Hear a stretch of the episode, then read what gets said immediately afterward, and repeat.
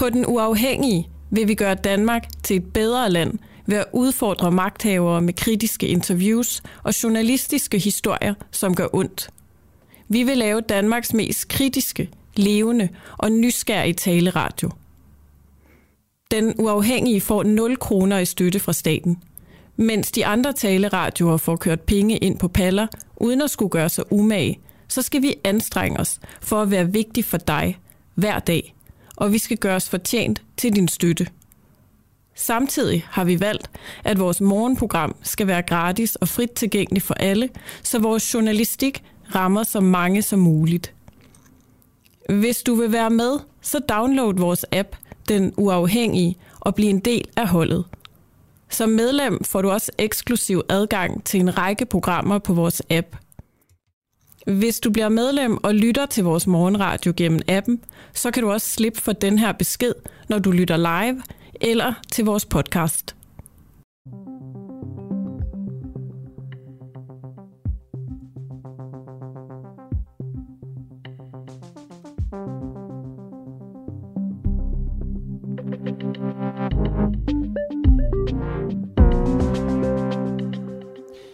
I går omkring klokken øh, halv ni dansk tid, der øh, gjorde man det fjerde forsøg på at etablere humanitære korridorer for at øh, kunne evakuere civile ud af forskellige øh, brandpunkter i Ukraine. Og Mads Bjergård, hvordan er det gået med øh, den her evakuering af civile?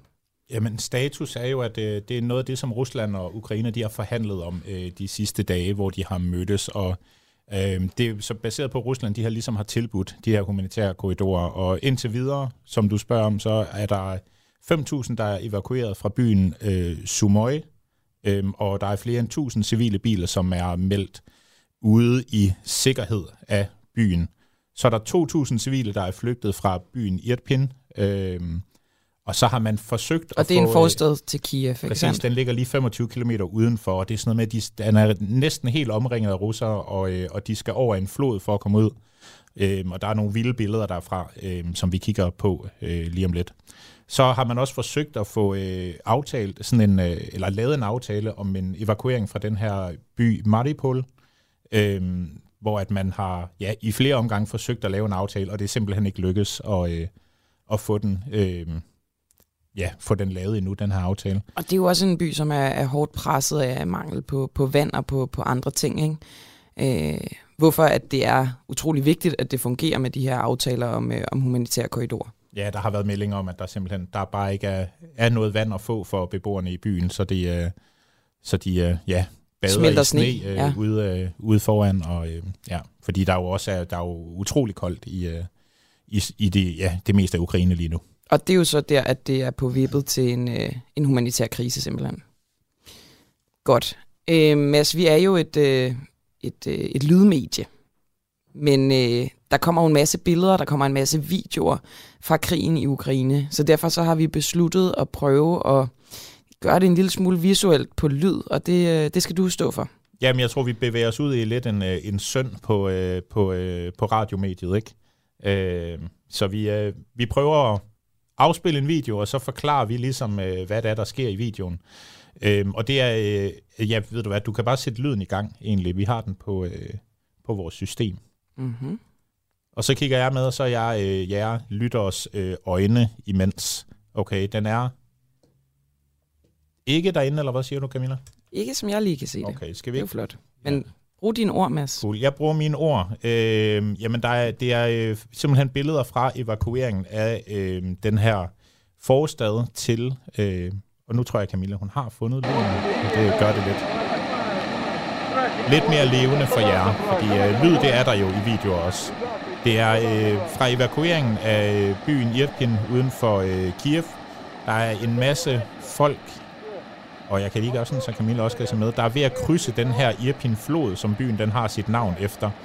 Øh, og det er hundredvis af mennesker i alle aldre, som forsøger at krydse floden, og det er virkelig i alle aldre. Lige nu så er der en lille pige, der sidder der i favnen på sin mor med en, med en hund, der er ved at blive båret over.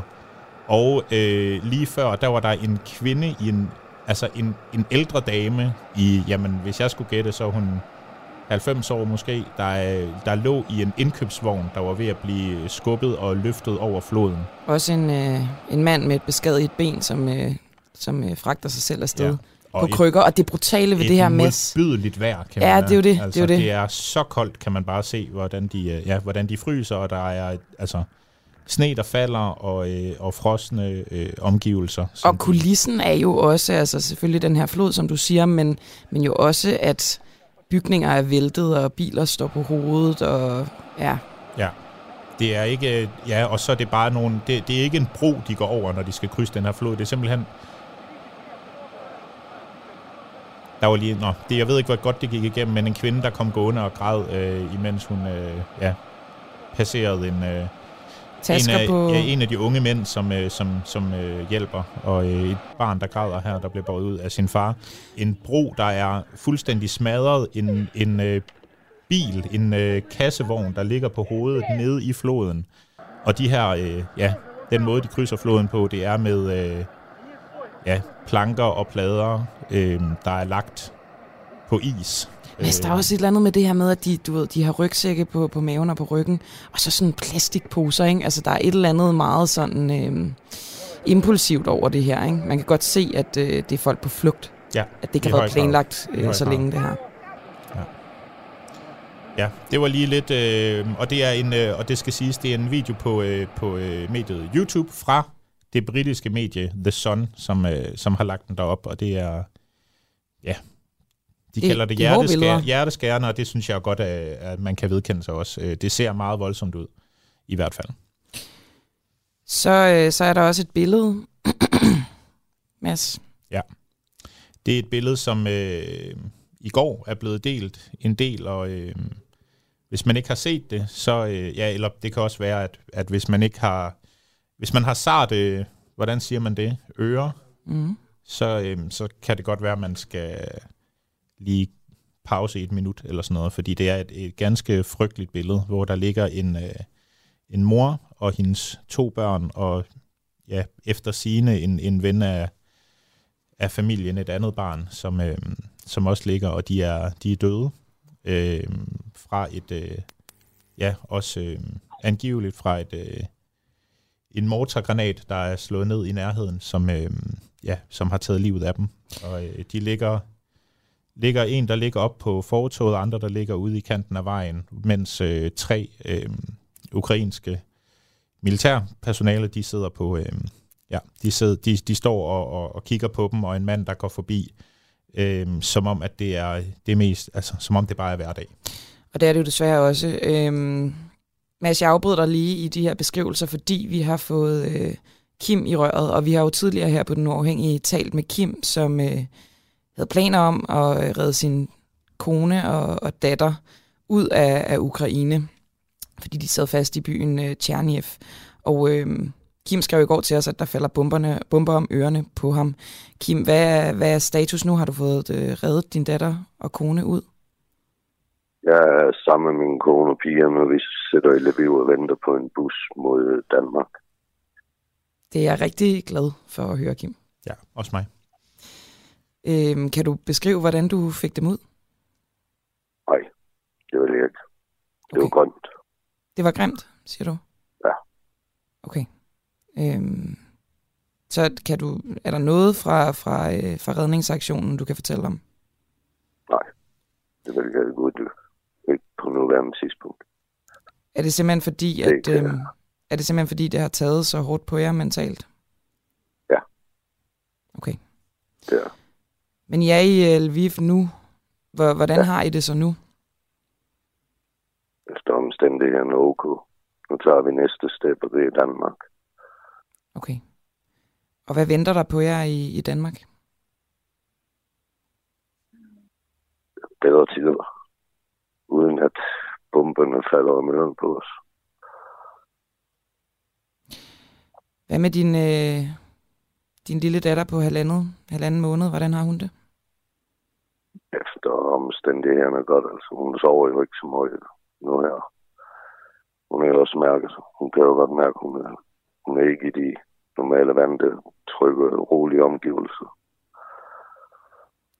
Kim, øh, det, det, hele den her, altså den her tid har jo været belastende for, for jer alle sammen. Jeg tænker sådan på, ja. når, når man ligesom har gennemført øh, aktionen, redningsaktionen, og så er i, i noget, der er tæt på sikkerhed. Hvad er det så for en følelse, der er i en? Er man mest lettet, eller har man stadig angsten siddende i kroppen? Ja, man har stadigvæk angsten siddende i kroppen, indtil man øh, er ude af Ukraine. Planlægger I at, altså, psykologhjælp, eller hvordan, øh, hvordan har I tænkt jer at håndtere ja, det, det her? det skal vi. Det skal vi. Når okay. vi kommer til den danske grænse, indvilder vi os til Dansk Røde Kors. Mm. Fordi jeg kommer jo også til Danmark som flygtning i mit eget land, fordi vi har jo mistet alt. Kan du uddybe, hvad, hvad I har mistet? Hus, bil, tøj, alt. Selv vores barnvogn har vi mistet. Der øh, fik vi en gave fra det sted, hvor vi har været i et døgn nu her i Lviv. Der kom de med en ny barnvogn til os. Alt er væk. Var du alene om at, øh, at redde dem ud? Nej. Du fik hjælp? Ja. Hvor mange var I? Syv. Syv. Okay, Kim. Øhm, jeg tror bare, jeg vil, vil sige, at vi, altså nu har vi jo fulgt øh, din færd, kan man sige, og faktisk tænkt rigtig meget på jer. Så øhm, vi er glade for at høre, at I lige nu befinder jer i et sted, som er, trods alt, selvom det er i Ukraine, øh, mere sikkert. Øhm, og ja. held og lykke med at komme, komme over grænsen og til Danmark. Jo, tusind tak. Og hils øh, din kone og dine børn mange gange. Det skal jeg gøre. Tak for det. Tak.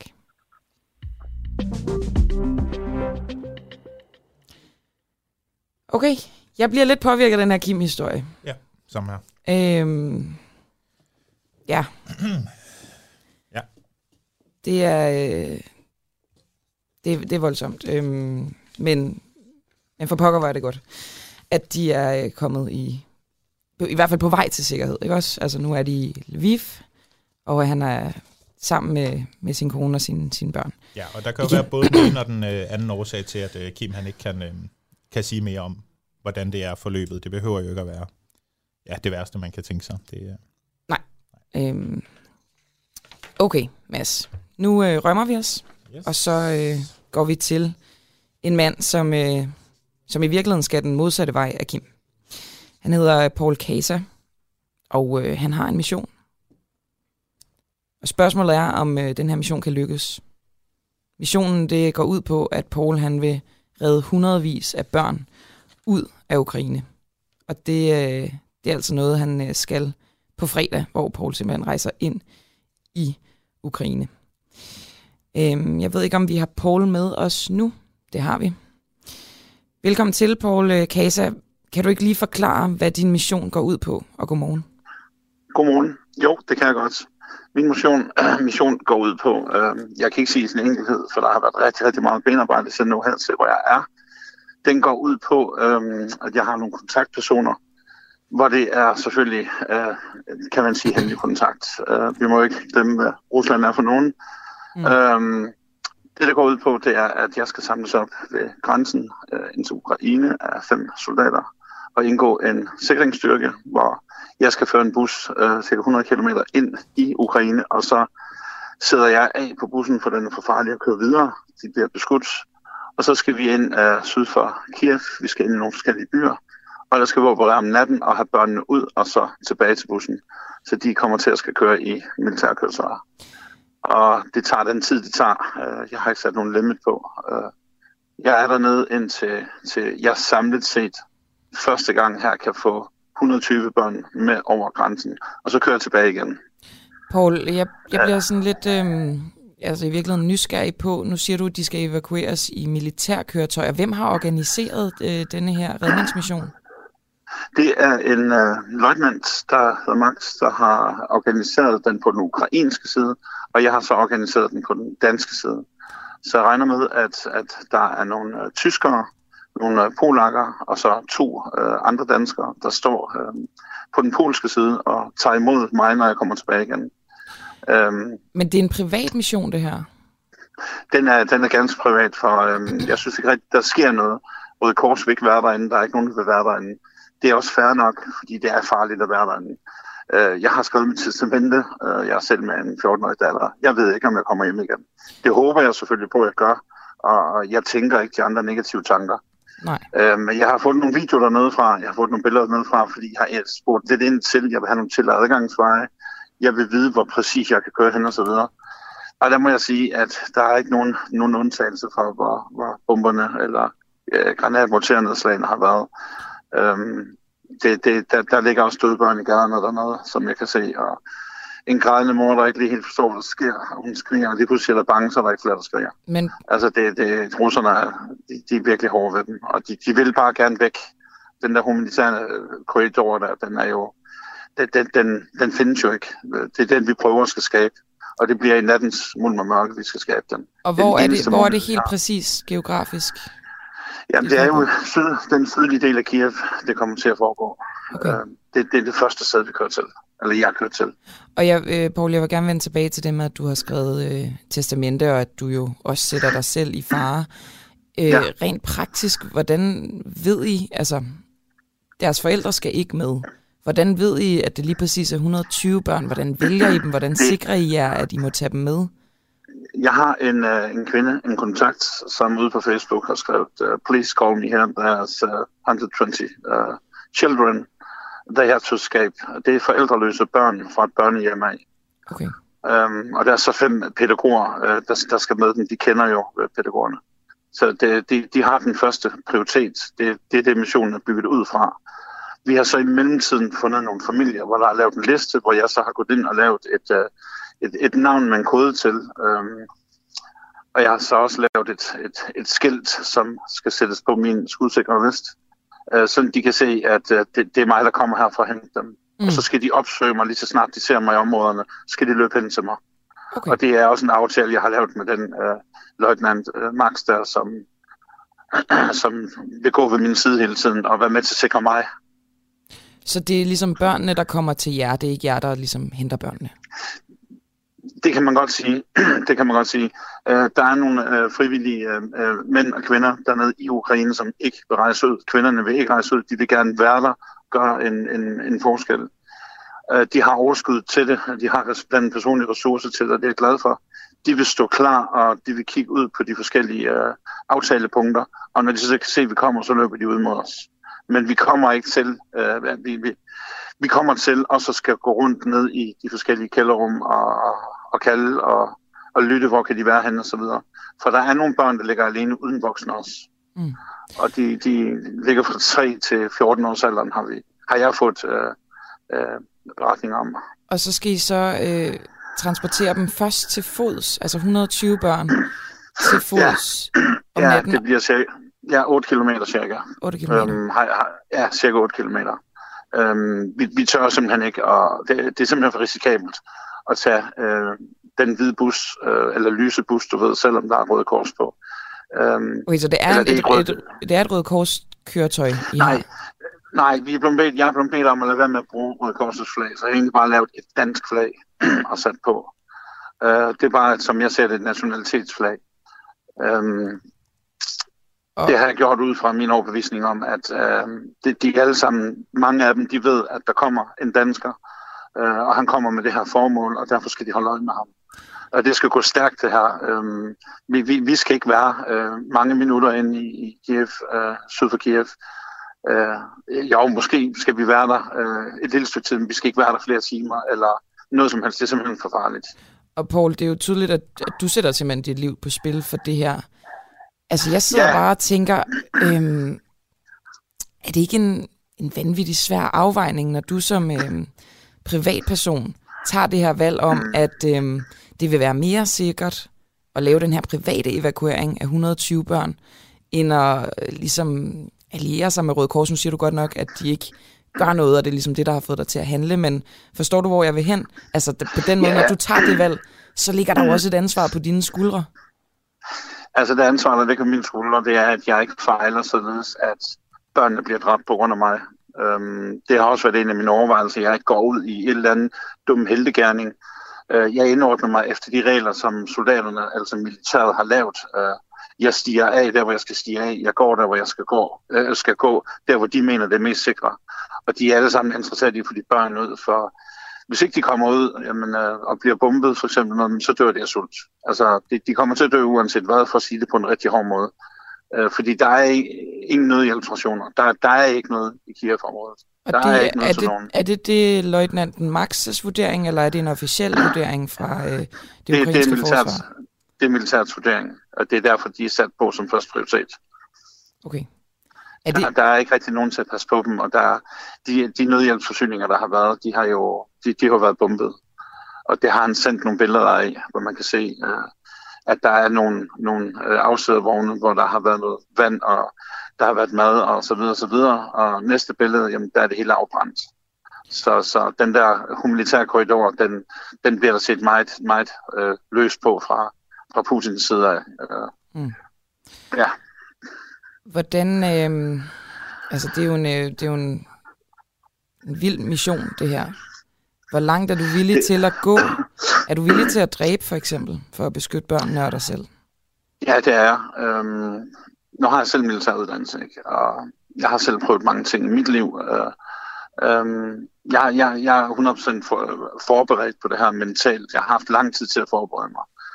Øhm, selvfølgelig kan du ikke forberede dig på, at der er en, der står øhm, med et våben og sigter mod dig og skyder, hvordan øh, du vil have det inde i. Selvfølgelig vil jeg ikke have det godt. Øh, det er klart, det er jo ikke særlig spændende.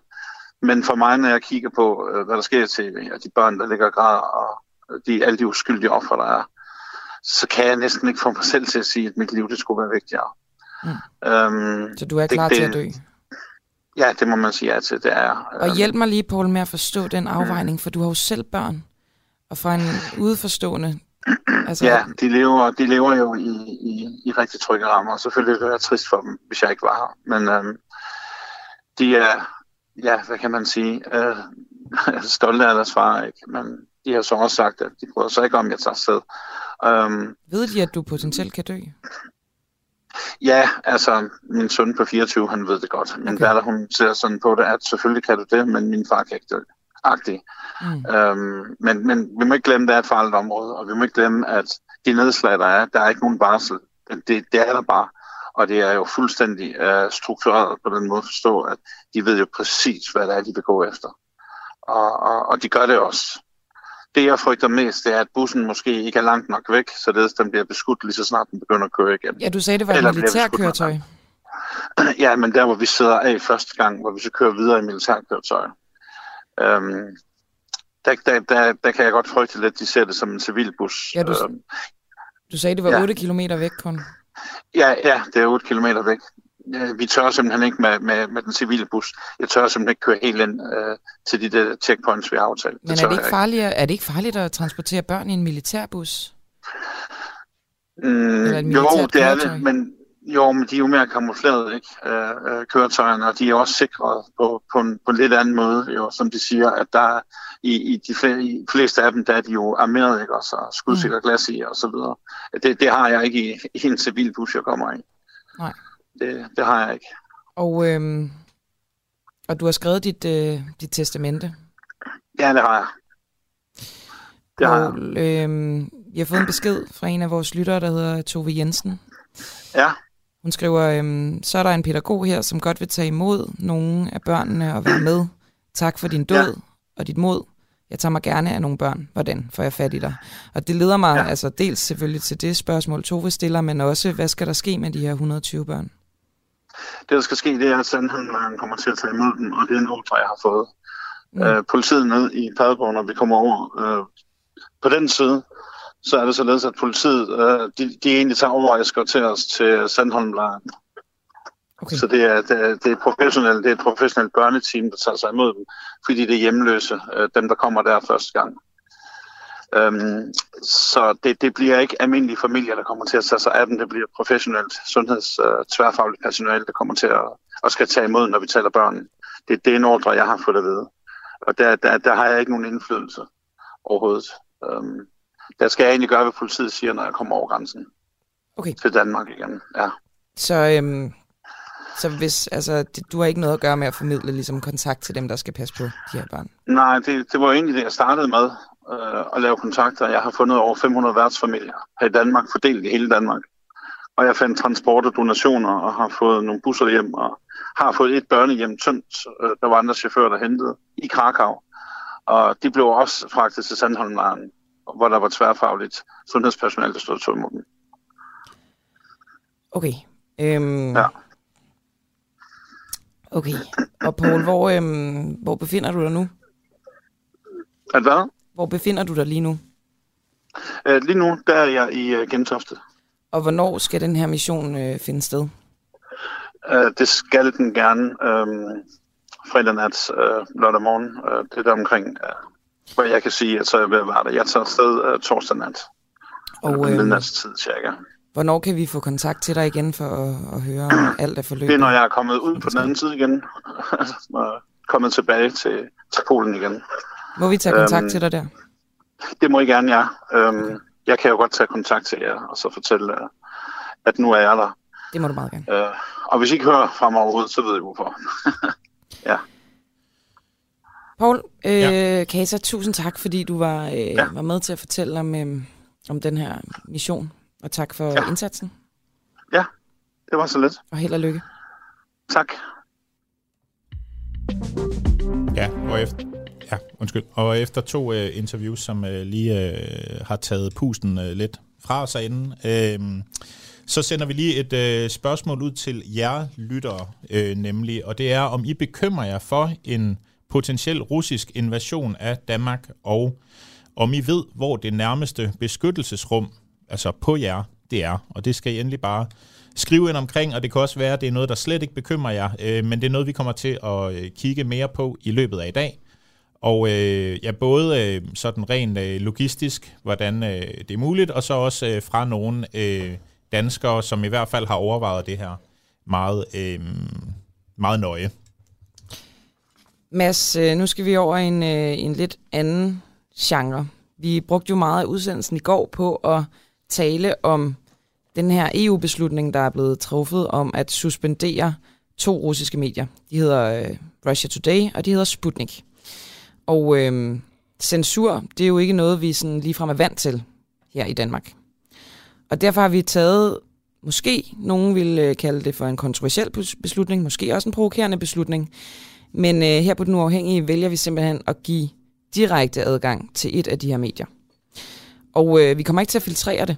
Altså, vi kommer til at give en adgang, som man ellers ville have adgang, hvis de ikke var blevet censureret. Og øh, det står du for? Det gør jeg, ja. Og det, øh, man kan ligesom øh, forvente, at når der kommer øh, normalt i sådan en udsendelse her, så kommer der nogle nyhedsopdateringer ind imellem. Det gør der også i dag, men forskellen det er, at vi sætter en lille jingle på, og så efter den jingle er færdig, så er vi Russia Today.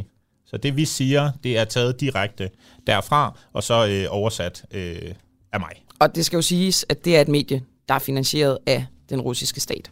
Så ved vi det. Yes.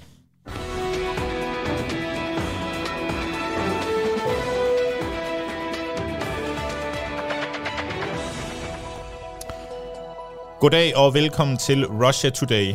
Rusland anklager Ukraine for at forberede en kernevåbens false flag operation. Ukraines nationale sikkerhedstjeneste har angiveligt forberedt at orkestrere et såkaldt false flag angreb i byen Kharkov. Det hævdede det russiske forsvarsministerium natten til mandag, og ifølge dem, der har militante ukrainske ultranationalister anbragt sprængstoffer ved det lokale atomkraftværk. Og de meddeler altså øh, Forsvarsministeriet, den ukrainske sikkerhedstjeneste planlægger at sprænge værkets reaktor og anklage det russiske militær for at skyde missiler mod værket. Det ukrainske udenrigsministerie de har kort for inden anklaget det russiske militær for at bombardere Kharkov, og de hævder, at mindst et projektil det har ramt atomkraftværket. I flere videoer på Facebook, der angiveligt viser raket- og granatnedslag, som rammer værket, der øh, ja, igennem det, der hævder den ukrainske efterretning, at, øh, at det kommer fra russerne. Og de her anklager, dem kalder Vladimir Putin for en del af en kynisk propagandakampagne.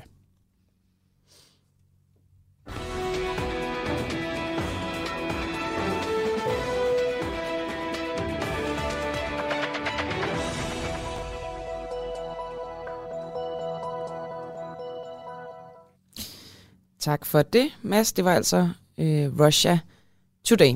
Nu øh, skal vi snakke med Jesper Larsen. Det har vi gjort et par gange her på øh, En Uafhængig Morgen.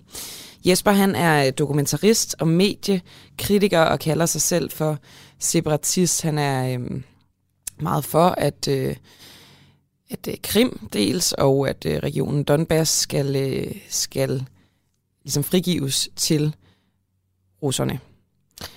Og øh, vi skal spørge Jesper i dag, om danskerne gør sig til nyttige idioter for Ukraines propagandamaskineri ved at flage med det ukrainske flag. Jeg ved ikke, Mads, om du er faldet over, øh, jeg synes, man ser det egentlig over det hele, altså de ukrainske farver. Der er også rigtig mange, der har beklædt deres øh, Facebook-profilbilleder med ukrainske flag. Øhm, det er jo ikke, altså så er der også flere officielle steder, som har valgt at skifte Dannebro ud med det ukrainske flag. Det er jo sådan noget, man skal have tilladelse til, og det er der altså blevet, blevet givet.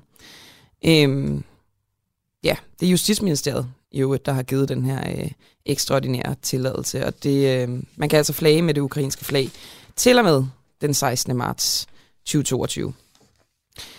Jesper Larsen, øh, bliver du vred, når du ser øh, det ukrainske flag i private og offentlige flags, flag, flagstænger? Godmorgen. Godmorgen. Øhm, altså nu har jeg jo set det meget over årene, så jeg vil ikke sige, at, øh, at, at jeg bliver vred over det her. Det er sådan set bare et, øh, et led i at, at føre propaganda over for, for danskerne, og jeg synes øh, ikke, at, øh, at det hører hjemme i, i Danmark og, og, og prøve at gøre det her til sådan en, øh, en national sag, som man har gjort.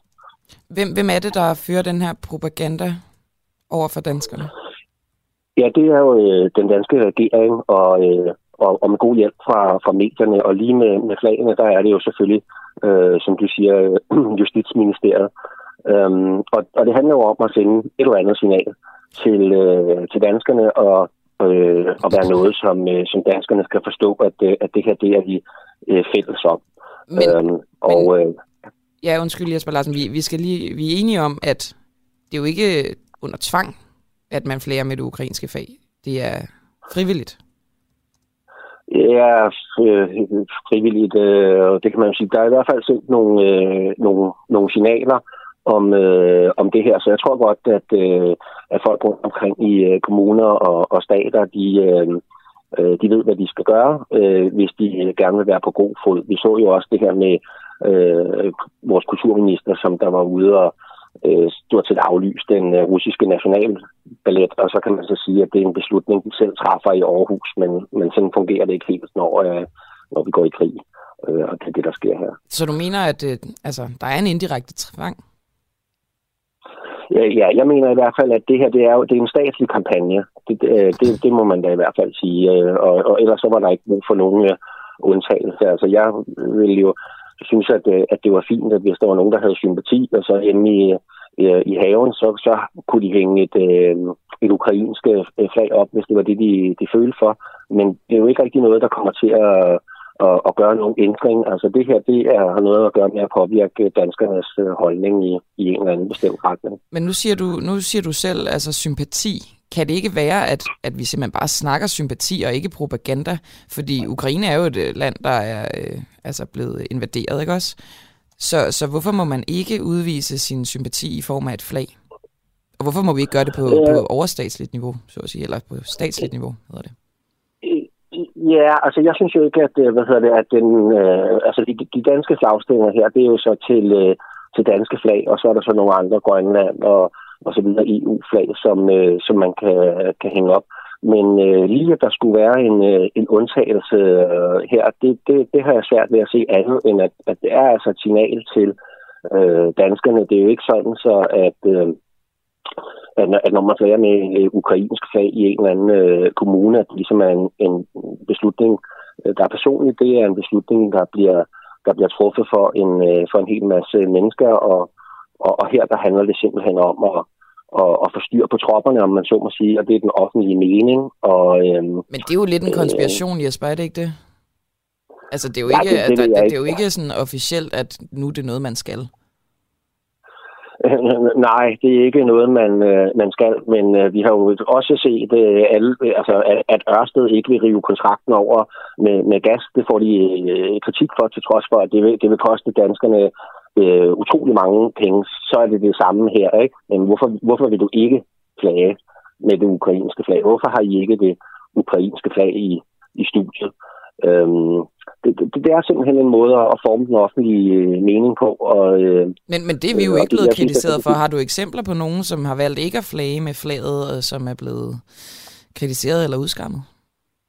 Nej, det har jeg altså ikke. Det har jeg altså ikke. Altså, og, så, og så må jeg så også lige sige, at de har ikke øh, fulgt så meget med der. Jeg tror, for de fleste, så vil det jo være, hvis de fik kritik for det, så vil det jo nok være nemmere at hænge det ukrainske flag op, end det vil være at forsvare sig mod at øh, lade være med at gøre det og beholde det danske flag.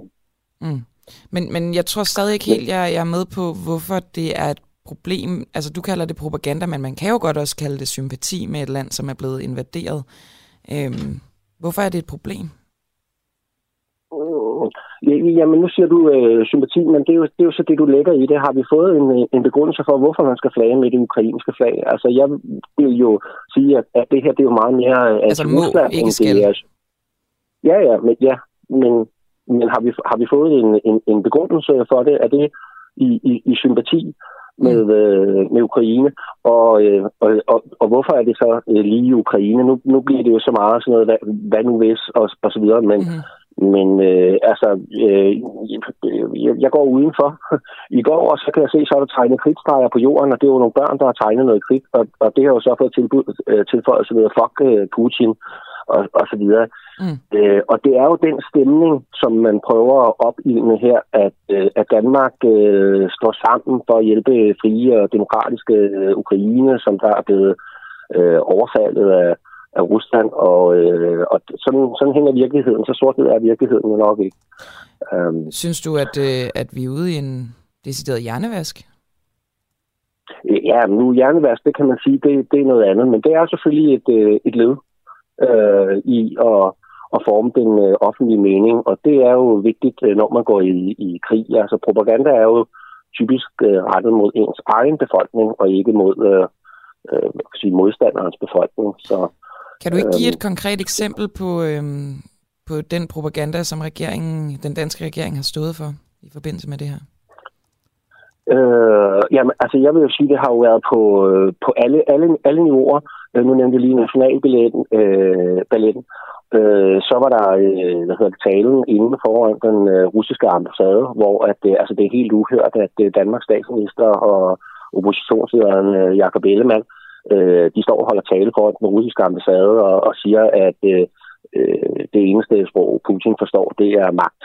Mm. Og, øh, og, hvis, og hvis man som dansk øh, altså regeringsleder og oppositionsleder sådan set er, er, er enige om det, jamen så, så må man jo sidde i Rusland, og det hører de jo så, fordi at der er en ambassadør derinde, eller det var han måske ikke den dag, men, men, øh, men, de, men de hørte da, jamen okay, så, så det eneste svar, Danmark kan forstå, vil jo så være magt.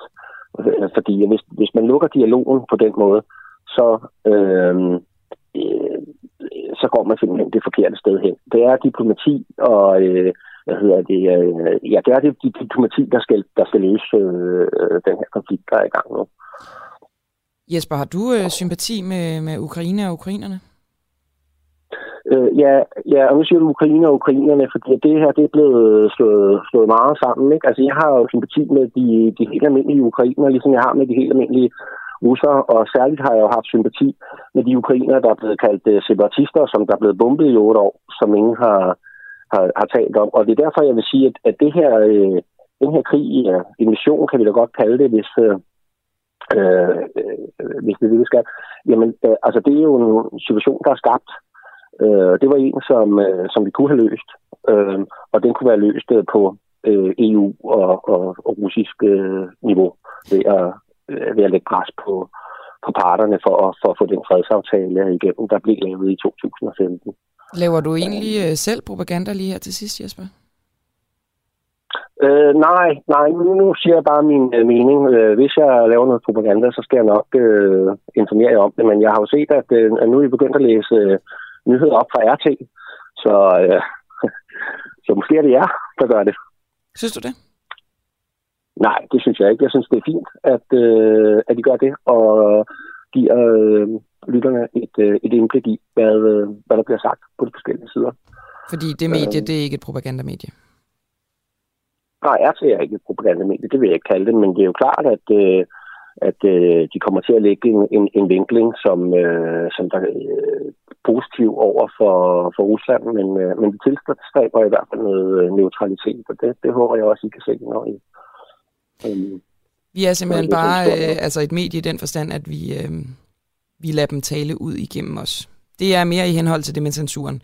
Men det er en anden snak. Tusind tak, fordi ja. du var med, Jesper Larsen, dokumentarist og mediekritiker. Tak for det. Ja, man må forstå, at Jesper han synes, det var en god idé, at vi laver det her øh, med Russia Today, hvor vi gengiver det.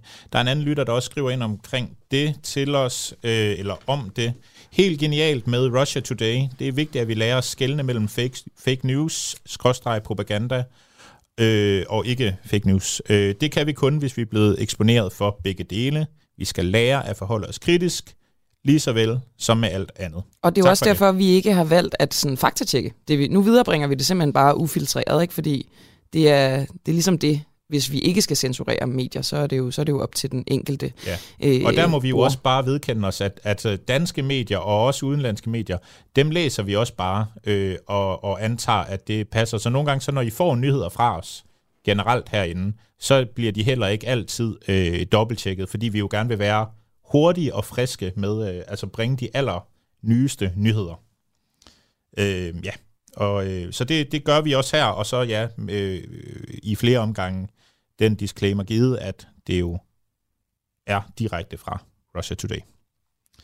Cool. Senere så skal vi også øh, tale om noget andet, Camilla. Vi skal tale om øh, Katar og Rusland. Vi skal gøre en sammenligning af dem. Øh, og det er fordi, at man øh, har besluttet for EU, at man ikke vil have naturgas fra Rusland længere. Og så må man jo finde energikilder andre steder fra. Blandt andet fra Katar, hvor man, øh, altså blandt andre øh, steder også, ønsker at købe flydende naturgas. Og Katar er jo øh, et kontroversielt øh, land, en kontroversiel stat. Blandt andet fordi, at øh, de jo skal være værtsland for øh, fodbold-VM til vinter. Og øh, i den forbindelse har de skulle bygge en masse stadioner. Det har de fleste muligvis hørt om. Og det, øh, det er altså migrantarbejdere fra andre lande, som har skulle bygge de her stadioner. Problemet er, at øh, de simpelthen er døde i processen. Op ja, det er altså imod... altså ikke kun øh, migranter, eller hvad hedder det, stadioner, de bygger. Øh, der, der er simpelthen to millioner migrantarbejdere i landet. Altså, ja. Så det er, det er øh, i alle øh, henseender, de bliver brugt. Ja, ja, de havde det også før, øh, det her fodbold-VM. Øh, men i forbindelse med det her fodbold-VM, der er 6.500 migrantarbejdere bekræftet døde. Og nogen taler om øh, op imod 15.000 døde migrantarbejdere. Så det er, jo, det er jo lidt interessant, ikke, at man, øh, man vælger at ville kigge derover og købe flydende gas, fordi man ikke vil købe det af Rusland efter det, som de øh, har gjort i Ukraine. Men øh, det skal vi snakke om lidt senere, nærmere bestemt om øh, små 8 minutters tid. Først, der skal vi tale med Jesper Jorhøj, som, øh, som simpelthen er bange, kan jeg forstå, og leder efter et, øh, et beskyttelsesrum. Øh, og spørgsmålet er, om der er behov for flere beskyttelsesrum i Danmark. Hos hovedstadens beredskab, der øh, oplever man i stigende grad henvendelser fra folk som, øh, som Jesper, der øh, stiller spørgsmål om, hvor de kan finde det nærmeste beskyttelsesrum. Det skriver TV2 Lorge og Jesper øh, Jorhøj. Du er tømrer bosat i Tornby. Hvad skal du bruge et beskyttelsesrum til? Og godmorgen. Godmorgen. Øh, jamen altså, jeg skal bruge et beskyttelsesrum til at flygte i det tilfælde af, at krigen den rykker nærmere, og der bliver behov for, at øh, øh, altså krybe skjul. Det er jo, krybe det er skjul? Ja, altså, alt det her, det bunder ud i, at jeg stiller et spørgsmål på Facebook til vores lokale tårnpolitikere øh, om, hvorvidt øh, vi har beskyttelsesrum nok, eller om der overhovedet er beskyttelsesrum, der, der, der står til rådighed. Jeg ved, mange af dem bliver brugt til øvelokaler, øh, opbevaring af øh, skolemateriel øh, og, og, og diverse ting og sager. Øh, og jeg undrer mig bare over, øh, hvorfor er det her ikke en snak, vi tager? Øh, der er måske mennesker derude, som øh, føler et eller andet behov for at blive beroliget. Øh, hvad skal vi gøre, når lokummet brænder? Øh, er der en udvej? Øh, hvad skal vi gøre? Mm. Det der med at berolige, det vil jeg gerne lige vende tilbage til, men mm. øh, hvad, hvad svarer de, når du tager kontakt til dem på Facebook? Jamen, jeg har ikke fået noget svar derinde. Ikke nogen konkrete svar. Jeg har fået masser af svar fra, fra andre borgere, som har googlet på Beredskabsstyrelsens hjemmesider, øh, fundet frem til, øh, hvor ansvaret ligger for de individuelle øh, beskyttelsesrum, øh, osv. osv. Men jeg har ikke fået noget endeligt svar fra øh, nogle politikere om, hvor ligger øh, diverse beskyttelsesrum, vi kan, vi, kan, vi kan flygte til, hvis der skulle være noget. Er de klar? Øh, er der plads til os? Øh, alle sådan nogle ting. Det har der ikke været nogen former for konkrete svar omkring. Hvad er det, du har læst eller hørt, som peger på, at vi vil få brug for de her beskyttelsesrum? beskyttelsesrum? Altså, hvad peger på en russisk invasion af Danmark? Nå, men altså, det er jo medierne. Altså, det er jo, det er jo alt det, hvad man hører i medierne, og, og, og hvad man hører fra den ukrainske øh, regering, at øh, øh, vi skulle blive de næste, og, og, og, og det ene og det andet. Ikke? Og, og, og frygten rykker jo nærmere og nærmere. Ikke så meget i mig, men måske mere i de yngre generationer. I mine, mine børn, jeg har en datter på 10 år, der stiller rigtig mange spørgsmål omkring det her. Mm. Øh, hvad skal vi gøre, og, og, og hvordan er vi ledet som min kone og jeg har da også talt om, Øh, hvad gør man i den her situation? Skal, man, skal vi flygte ned gennem Tyskland? Øh, skal vi til England? Øh, Altså, øh, prøv at, plan, ligesom prøve at planlægge sig en, en, en eller anden form for flugtrute, eller, eller hvad man kan sige. Helt klart. Øh, Men Jesper, jeg er bare en, lille smule, jeg er bare en lille smule nysgerrig på, øh, du siger medierne, og altså man kan sige, det at Ukraines regering, de øh, fortæller om, at den her ekspansion af Rusland, det ikke kun gælder mm. dem, det giver jo mening i forhold til, at de ønsker hjælp. Absolut. Øhm, Absolut. Hvilken, øh, hvilken, hvilken ekspert har du hørt sige, at Danmark er i fare for en invasion? Øh, jamen det har, det har jeg sådan set ikke hørt nogen eksperter øh, tale om, og jeg har ikke hørt, fra, heller ikke fra vores regeringsside af, eller vores lokalpolitikere side af, at, mm. at, at, at der, der skulle være noget der. Jeg tænker bare, at når man i, i tilbage i 60'erne, 70'erne, 80'erne har bygget de her beskyttelsesrum, øh, i takt med den kolde krig, den eskalerede, så tænker jeg, at vi nok, vi nok noget tættere på i dag, end vi nogensinde har været på en, en, en, en, en reel krig i Danmark øh, siden, siden 2. verdenskrig. Men man kan øh. sige, altså når der ikke er sådan noget, der sådan reelt og konkret peger på, at vi er far, som det ser ud lige nu. Vi fik jo heller ikke brug for dem øh, dengang i, i 60'erne, kan man sige. Men øh, så synes jeg nemlig, at det er interessant at snakke om det her med øh, berolige, altså berolige mm. folk, som du var inde på lige først. Øh, at man simpelthen burde lave dem for at berolige folk.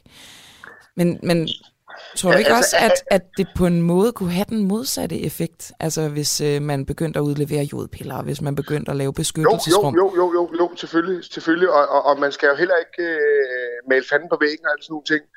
Øh, jeg mener bare, at, at øh, alt det her med Ukraine kommer i kølvandet på øh, to, øh, næsten tre års øh, corona-nedlukninger og det ene og det andet og det ene og det andet. Og folk begyndte lige at, at se, okay, pff, nu kan vi begynde at ånde op. Øh, vi kommer ud på den anden side.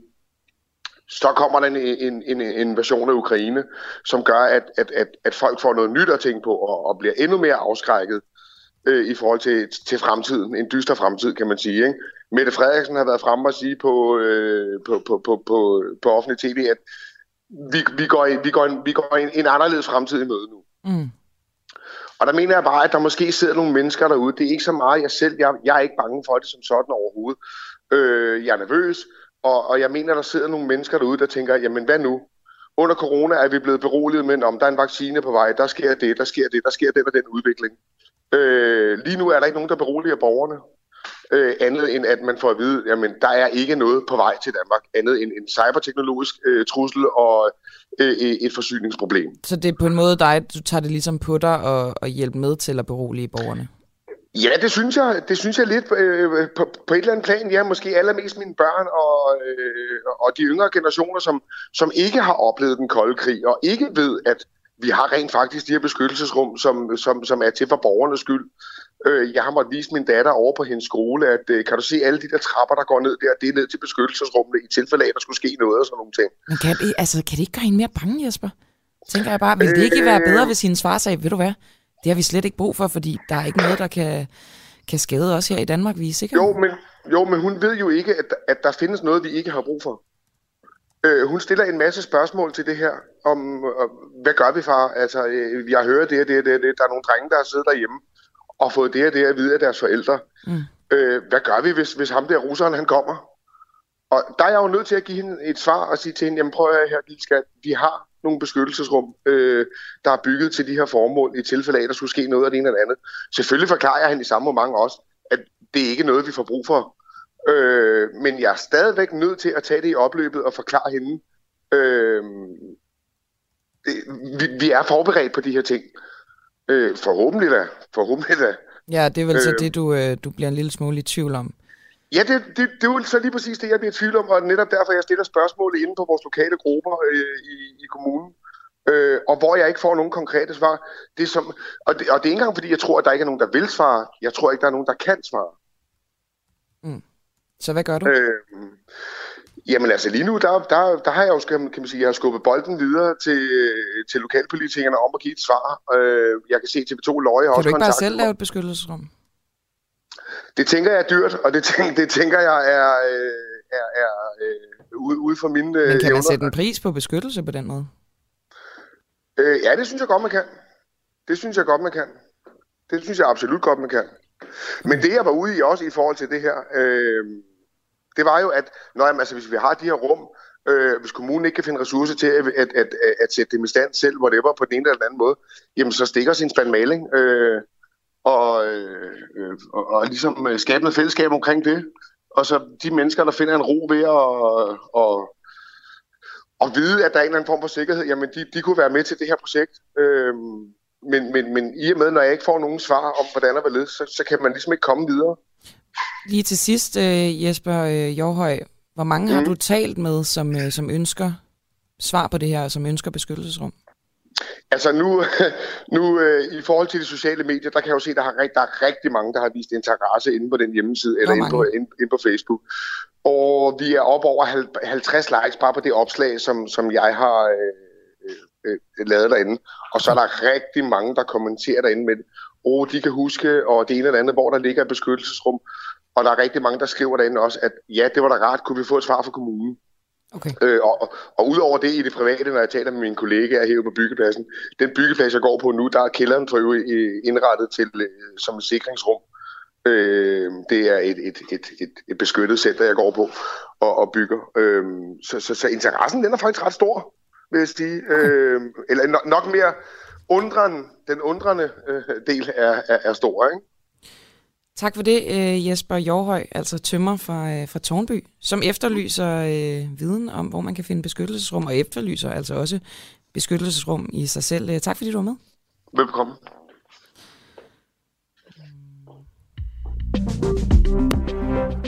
Ja, og så kan jeg fortælle dig en lidt sjov udvikling inde i vores øh, Facebook øh, live-tråd, øh, eller hvor man, man kan jo bare se med inde i vores øh, live-video, øh, hvis man øh, alligevel sidder derhjemme og har mulighed for at kommentere og følge, hvad der sker i udsendelsen. Øh, til at starte med, da vi spurgte om øh, beskyttelsesrum, om folk de var øh, bekymrede, så var der flere, der skrev øh, nej og nej.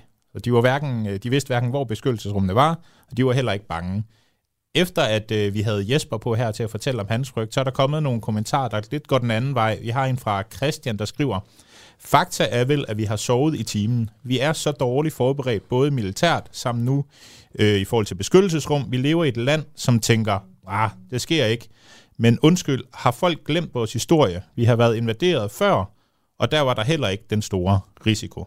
Og så skriver Claudia også, beskyttelsesrum er sund fornuft, ligesom en forsikring mod brand eller vandskade. Øhm, øhm, altså inden det sker, så, øh, så er skaden, hvis man ikke er forberedt, så er skaden jo sket. Og man er uden beskyttelsesrum eller forsikring, så er det jo lige meget at tegne en forsikring. Nu skal vi til det, som du øh, gav en lille forsmag på, Mads. Netop det her med, om det er bedre at købe gas fra Katar, end det er at købe gas fra Rusland. I går der øh, præsenterede EU-kommissionen sin plan for, hvordan EU kan blive uafhængig af russisk gas. Det er øh, et af, eller et af hovedpunkterne i denne her plan. Det er at købe flydende naturgas fra Katar. Niels Fuglsang, du er fra Socialdemokratiet, du er medlem af Europaparlamentet. Er Katar en mere pålidelig leverandør af naturgas, end Rusland er? Og godmorgen. Ja, godmorgen. Øh, nej, man kan sige, at Katar og mange af de lande, der producerer gas og olie, er jo ikke lande, vi deler værdier med, og, og ikke lande, vi gerne vil være afhængige af. Men jeg tror, at i den her situation, der øh, giver det mening at sprede øh, importen ud mellem flere forskellige lande. Øh, det kan så at sige være bedre at være afhængig af en række diktatorer, end kun være afhængig af én diktator, fordi så får den diktator, man er afhængig af, jo en meget stor magt, hvis han øh, afbryder gassen pludselig. Så jeg tror, som en midlertidig løsning, så tror jeg faktisk, det er en god idé at, øh, at prøve at sprede øh, importen ud over flere lande. Og det er så for at gøre os øh, mindre sårbare i forhold til, hvis vi lige pludselig beslutter os for, ligesom vi har gjort med Rusland, at vi gerne vil lukke for øh, importen af gas? Ja, altså hvis vi beslutter os for det, eller hvis Rusland selv beslutter sig for det, så er vi jo ekstremt sårbare i den her situation, og, og jeg mener, hvis vi øh, er jo, hvad kan man sige, hvis vi spreder importen ud over flere lande, så er der ikke noget enkelt land, der sådan har en meget stor klemme på os, som det var tilfældet nu i, i forhold til Rusland desværre.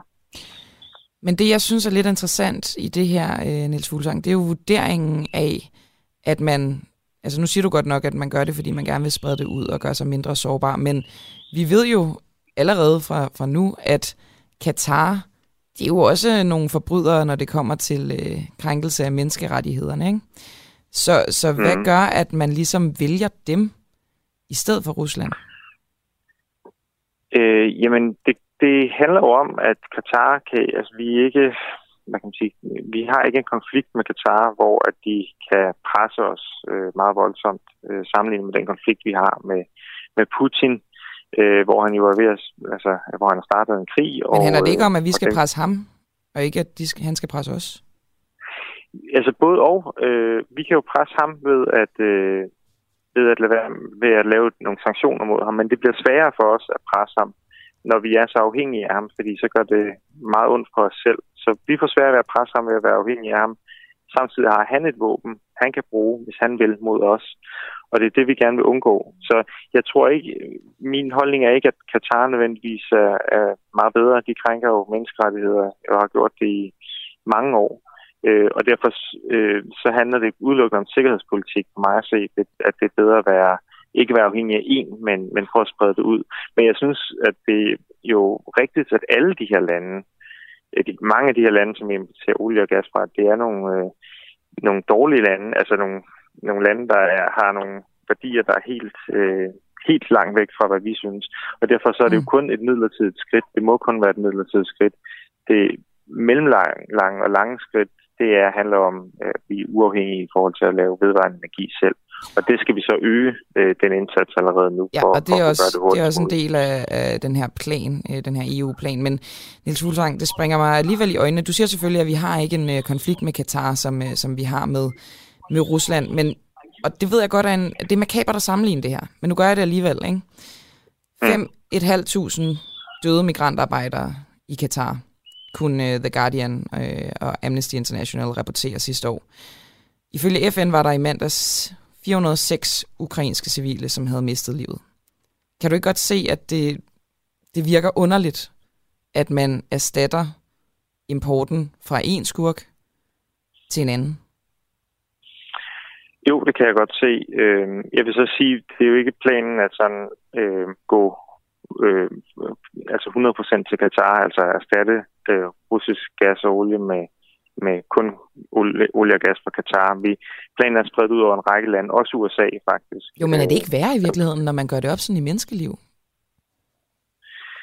Øh, det ved jeg ikke, om det er. Jeg, jeg tror, at den konflikt, så, eller det synes, jeg, jeg synes, det er rigtigt at sprede væk fra Rusland, fordi den konflikt, som, vi, som Putin har startet, det er en øh, meget, meget farlig konflikt for mig. For mig at se, jeg tror jeg for de fleste at se, som kan potentielt jo have altså, virkelig dødelige konsekvenser for, for hele Europa, hvis det her løber løbsk.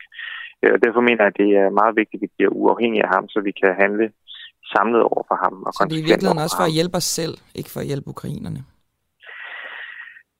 Øhm, jamen, både og. Ja, for, altså, hvis, hvis vi skal kunne handle konsekvent og, og øh, med en stemme over for Rusland, så skal vi være uafhængige af dem.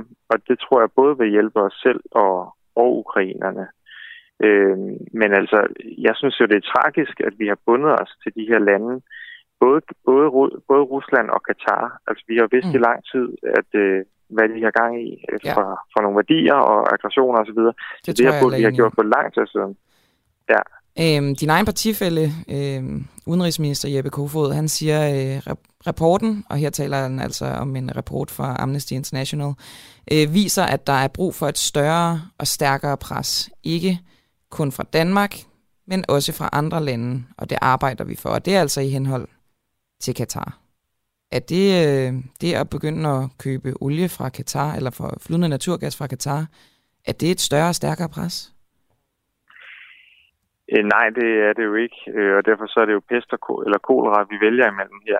Og der øh, vælger jeg så, synes jeg, man skal vælge kolera i forhold til, at, at vi bliver nødt til at have, styr på øh, at blive uafhængig af Rusland. Det synes jeg faktisk er første prioritet, men jeg er helt med på, at Katar, øh, det at skulle importere mere fra dem, det er ikke nogen ønskesituation, og det, er jo, det ligger jo desværre som vi har ret, når vi er så afhængige, at vi ikke bare kan gå til vedvarende energi i morgen. Det tager jo tid, så derfor skulle vi have sat tempoet op for lang tid siden, og derfor står vi nu i en særdeles kedelig situation, hvor vi også skal importere fra nogle lande, vi ikke bryder os om. Det er ikke kun Katar, vi importerer fra, ifølge den her plan overhovedet, Nej, det er men også Katar. også Australien og, øh, og USA osv. Øhm, jeg har fået en sms fra øh, en lytter, der hedder Karsten. Han spørger, var Katar ikke imod sanktioner mod Rusland? Lad os da fylde penge i et land, der finansierer terror. En flok terrorister. Øh, ja, jeg ved faktisk ikke, om de var imod øh, sanktioner i Rusland, men de har jo været imod øh, menneskerettigheder generelt, og, øh, og, og det VM, der, øh, der planlægges i Katar, det er jo en, en, skandale, en skandale, må man sige. Men nu kalder øh, du det så, jo en, øh, en prioritering, Niels Fuglsang. så I prioriterer ja. simpelthen situationen i Ukraine over situationen i Katar? Jamen, det, det, det gør vi. Ja, det lægger vi op til at gøre jo. Altså, fordi det er værre? Sige, nej, fordi, fordi at den situation, som Rusland øh, har initieret, har, har sat gang i, den er så farlig for alle øh, parter. Altså det jo, kan jo potentielt være en meget stor krig. Så bare lige for at øh, skære det ud i pap? Afhængig af, hvad der sker. Så mm. fordi det er farligere for os selv, situationen i Ukraine, så prioriterer vi det højere? Jeg synes jo, Ja? Når du siger os selv, øh, jeg vil sige, når, når du siger selv, så vil jeg sige, altså det er jo farligt for hele verden, det der, det der sker i øjeblikket i Rusland. Og derfor synes jeg, at vi skal prioritere det allerhøjst. Altså, så de døde migrantarbejdere i Katar, de er ikke, de er ikke som sådan farlige for, øh, for sådan den internationale sikkerhed? Men selvfølgelig er det, er det forfærdeligt. Øh, jeg siger bare, at, at det, som foregår i Rusland eller i Ukraine i øjeblikket, øh, det er jo potentielt altså kan sprede sig og være det er en dybt alvorlig sikkerhedssituation for hele verden, mm. for mig at se. Og derfor så, så, så er det det, som vi bliver nødt til at prioritere højest. Øh, Niels Fuglsang, du kalder, øh, måske skal jeg lige sige, gentage, at du er medlem af Socialdemokratiet og medlem af eller du er fra Socialdemokratiet og medlem af Europaparlamentet. Du kalder øh, det her med, at vi er afhængige af gas fra, øh, fra Rusland, og at vi bliver nødt til at kigge på alternativer som Katar. Du kalder det for en ulykkelig situation. Hvis skyld er det, at vi ja. står i den situation?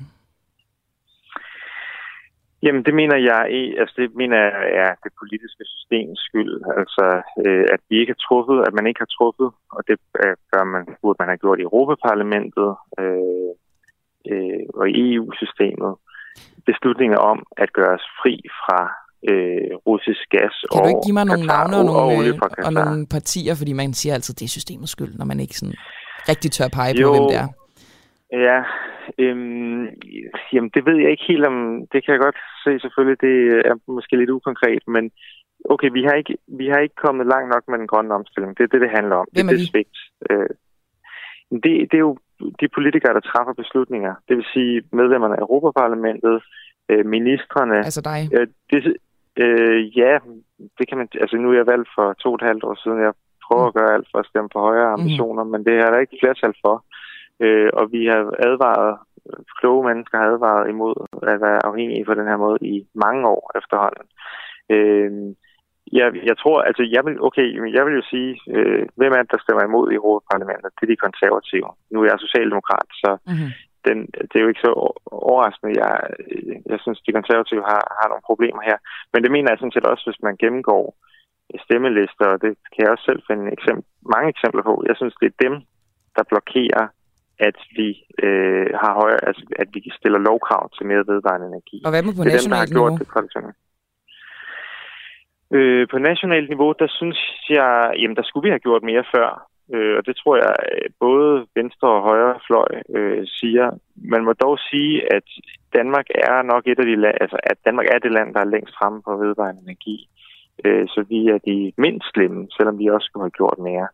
Øh, men, men hvis man tager sådan nogle østeuropæiske lande, så er de jo meget sårbare i forhold til, at de får så meget russisk gas. Der er vi heldigvis ikke helt lige så sårbare i Danmark. Tak for det, Niels Fuglsang. Selv tak. Fra Socialdemokratiet og medlem af Europaparlamentet, og godmorgen til dig også. Nu skal vi tale med endnu en genganger. Han hedder Ronny Gasseholm, og han er dansker og bosat normalt vist i den øh, ukrainske by Kremenchuk. Øh, han befinder sig nu i Vestukraine.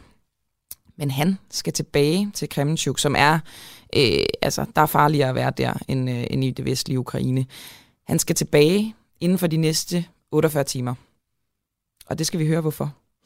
Spørgsmålet er, om øh, natkikkerter er et essentielt våben for ukrainerne i kampen mod russerne. Mange af kampene i Ukraine, det, det ved vi jo, de foregår om natten. Og, øh, og her, der kan man, der kan natkikkerter og natsigter øh, til gevær være ret vigtige øh, værktøjer for at kunne se fjenden i mørket.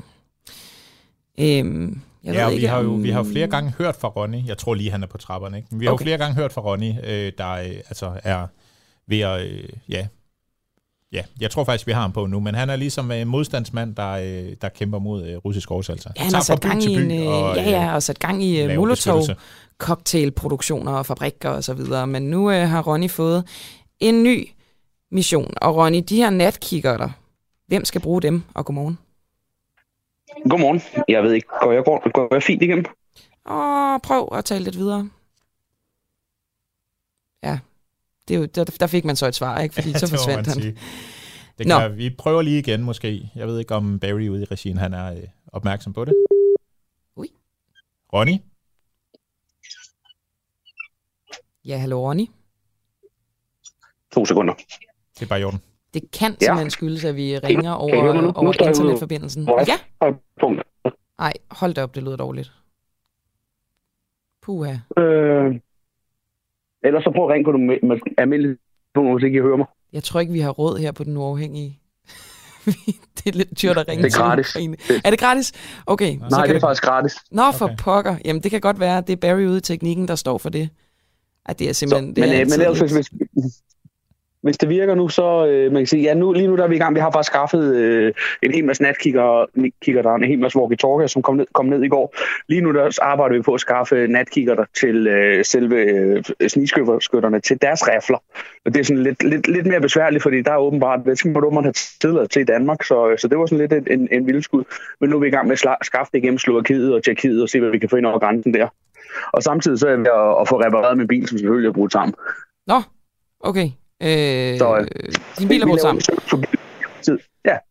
øhm, oh, nu skete der måske noget igen. Øh, altså, du skaffer øh, natkigger. Hvorfra sagde du undskyld? De almindelige natkigger, de, skal, de er faktisk skaffet for, for Polen og for Danmark. Okay. Øh, men men de, de her specielle, de skal skaffes ned for, for, for Slovakiet og Tjekkiet, ser det ud til. Da man i en del EU-lande skal have tilladelse til at bruge dem, da det jo kan altså, ramme mennesker om natten, ikke? Jo, nu siger du skaffer, Ronny. Altså, øhm, du er jo en, øh, du er en privatperson, kan man sige. Er det dig, der køber dem, ja. eller øh, er du en del af et eller andet større øh, transport? Altså, ja, det, det, det, det, det, det, er mig, der, det, er mig, det er mig, der køber dem og finansierer den, og så har vi, har vi andre, der transporterer dem så langt hernede, og så overtager, så er der nogle andre ind over grænsen, der overtager dem. Øh, og, og, og det kan være, at jeg skal tage nogle af dem med ned, når jeg skal tilbage. Altså, er egen lomme finansierer du øh, altså, ting til militæret? egen lomme. Hvordan, jeg har også hvordan, mange andre danskere, der hjælper. Altså, mange andre danskere, der Jamen, det er jeg sgu heller ikke råd til i længden, øh, men, men der er heldigvis rigtig mange andre danskere, der har, har, har støttet, støttet også vores indsamling til det, øh, både, både i Danmark, og, og vi har en hel masse folk i, i danskere i Schweiz og i, i London, som også har, har støttet med rigtig mange midler. Der lyder Schweiz jo altid godt, når man øh, snakker økonomi. Men Ronny, kan du ikke lige fortælle, hvorfor de, de her, godt i. de her øh, natkigger, de, natkigger der, de, er, øh, de er så nødvendige? De er rigtig nødvendige, fordi at øh, russerne generelt, de bomber om natten, men de vil også prøve på at komme ind om natten. Og hvis man har de her natkikker, som er, som er et varmetermisk øh, kikkertsigte, eller øh, en reel kikkert, så kan man se, hvis, hvis, hvis varme bevæger sig ud i horisonten, og der er nogle gange, der de kan faktisk op, opfange varme et par kilometer væk. Hvis man kan se, når kampvogne eller biler, eller når soldater prøver på at komme, komme tættere på, og, og derved så har man mulighed for at varme dem enten med artilleri eller med øh, almindelige skydevåben. Og det er derfor, det er ret vigtigt. Måske er det her et dumt spørgsmål, fordi måske er svaret bare uendeligt, men øh, hvor mange skal du bruge? Ja, lige nu har vi skaffet øh, 32, øh, men jo flere, jo bedre. Øh, hvis vores by ikke skal bruge dem, jamen, så bliver de leveret videre til, til, til de andre byer øh, tættere og bagpå, fordi så har man ekstra. Så kan vi skaffe på 100, så, øh, så er det i hvert fald noget, der hjælper. Og du tager tilbage til øh, den by, du normalt øh, er i, altså Kremenchuk. Hvor farligt er der der lige nu? Der er sgu fredeligt. Øh, okay. Der er ikke nogen Den nærmeste rute er vel 175 km væk, altså ud af, hvis der er nogen bag, bag linjen, ikke? men ellers så er der ikke, der er ikke slået noget ned i vores by nu. Øh, byen er, er en stor fæstning, men ellers så, så er der relativt sikkert. Øh, mm. Ronny, altså, til, der er krig i området. Altså, jeg, jeg prøver sådan at male et billede, både for mig selv og for lytterne af, hvem du er. Altså, det lyder som om, du simpelthen fiser rundt fra den ene by til den anden og øh, sætter i gang med molotov-cocktail-produktion og indhenter natkikker og altså... Hvordan vil du beskrive dig selv? Det lyder måske som et dårligt spørgsmål, men sådan, ja. forstår du, hvad jeg mener? Ja. Er du sådan en transportør, bare... som, og du tager det bare sådan lidt ad hoc, ja. hvor du kan gøre en indsats? Jeg er, bare en altså, jeg er egentlig bare en projektleder, kan man sige. Ikke? Altså, måske lidt mere avanceret, men det er jo bare projektledelse. Der er noget, der skal fra A til B. Skaffer pengene, skaffer varerne, og sørger for, at de bliver transporteret og så finder man folk rundt omkring, som kan hjælpe en. Nu har vi et netværk hele vejen fra vores byer heroppe, hvor vi har folk lokalt, der kan hjælpe. Hvis der er nogen, der kun kan køre et par hundrede kilometer med deres bil, jamen, så kan de køre, og så kan de overlevere til andre. Hvordan, og det er faktisk, det foregår generelt dernede. Okay, okay, så det er ikke kun dig, der er projektleder?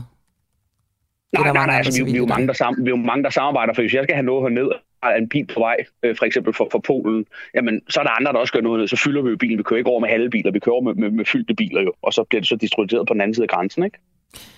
Og øh, Ronny, til allersidst, øh, har du øh, mulighed for at få repareret din øh, bil, som er brudt sammen? Den virker lidt essentielt altså, i hele det her. Den, den, den, er, den er ret vigtig, men altså det lokale BMW-værksted hernede, det, det har åbent, og øh, altså ukrainerne, de kan altså reparere alt med, med, med et stykke stoltråd og et, og et stykke tape, øh, så må ikke den køre igen senest i morgen. God gamle gaffetape. Jamen, øh, det krydser vi fingre for, Ronny ja. yes. Tak fordi du var med. Det var så let. Hej. Hej.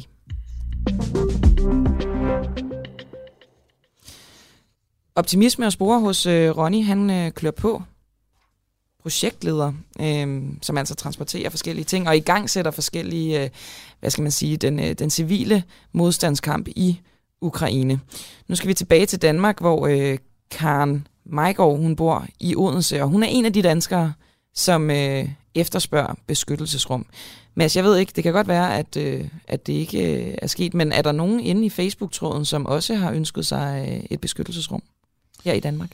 Nej, ikke andet. Der, altså, der er jo flere, der har øh, i tale sat, at, øh, at de gerne vil... Øh, eller de synes, det er en god idé, og at vi simpelthen er for langsomt ude i, øh, i Danmark. Jeg har simpelthen ikke lige øh, kigget de sidste 10 minutter, så jeg ved ikke, om der er kommet noget der. Det kan du måske gøre, imens jeg, jeg snakker med med Karen. Det lover jeg. Fordi det er jo et egentlig meget interessant spørgsmål, om der er behov for flere beskyttelsesrum i Danmark. I, øh, i Karens øh, boligforening i Odense, der øh, skal bestyrelsen simpelthen diskutere, om vaskekælderen i foreningen skal indrettes som beskyttelsesrum.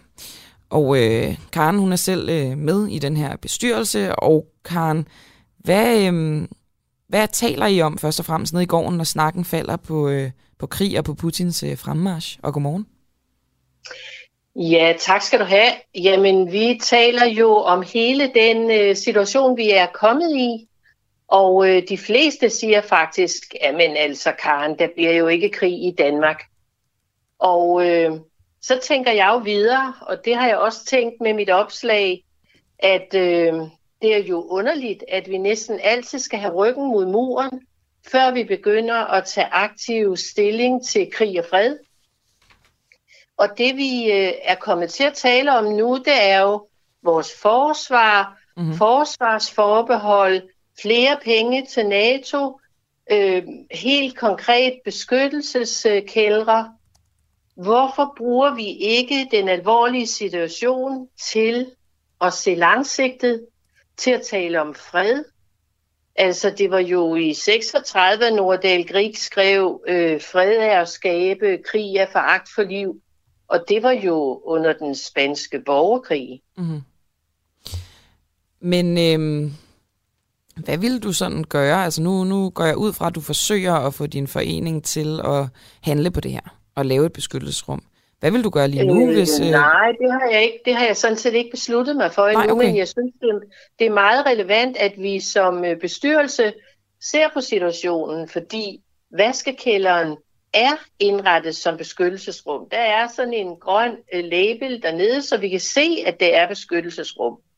Men det er jo så lille, og der står vaskemaskiner, mm. og vi kan umuligt være der 22 familier. Som I bor så i din derfor, forening? Som jeg sagde, altså boligforeningen. Det er jo, vi, er, vi er med i en stor boligforening i øh, Odense, og det kan jo være, at der er beskyttelsesrum i andre afdelinger, og vi har også en stor parkeringskælder i nærheden. Okay. Men jeg vil godt have, at vi stopper op og tænker over situationen. Fordi ja, for to år siden, der overraskede corona os. Der havde vi ingen værnemidler, vi havde ingen vacciner, vi havde ovenikøbet selv stoppet vores produktion i Danmark. Det er som om, vi slet ikke tænker langsigtet. Mm. Og krig er jo ikke nogen langsigtet løsning.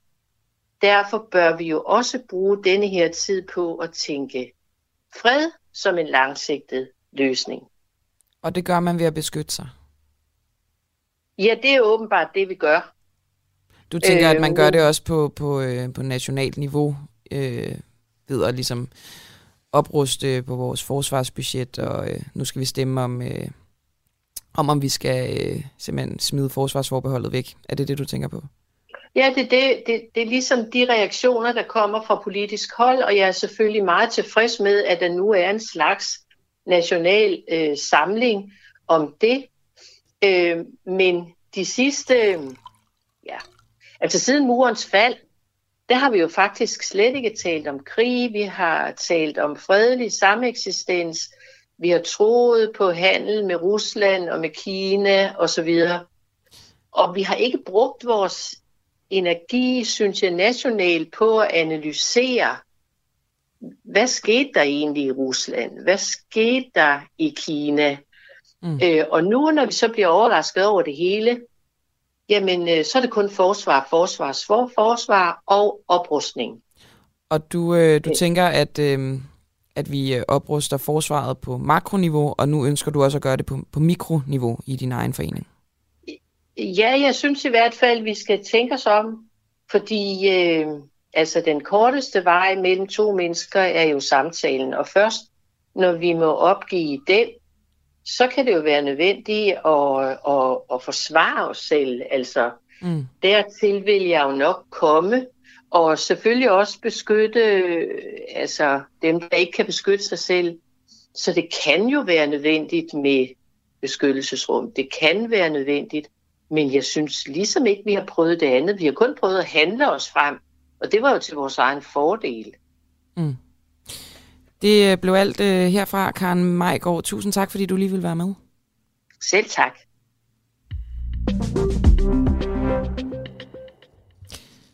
Og så skal vi uh, snakke lidt videre om det her med beskyttelsesrum, men på en lidt anden måde, Mads. Vi skal snakke med Carsten Vam Pedersen, som har skrevet en bog om Reagan Vest. Og hvad er det?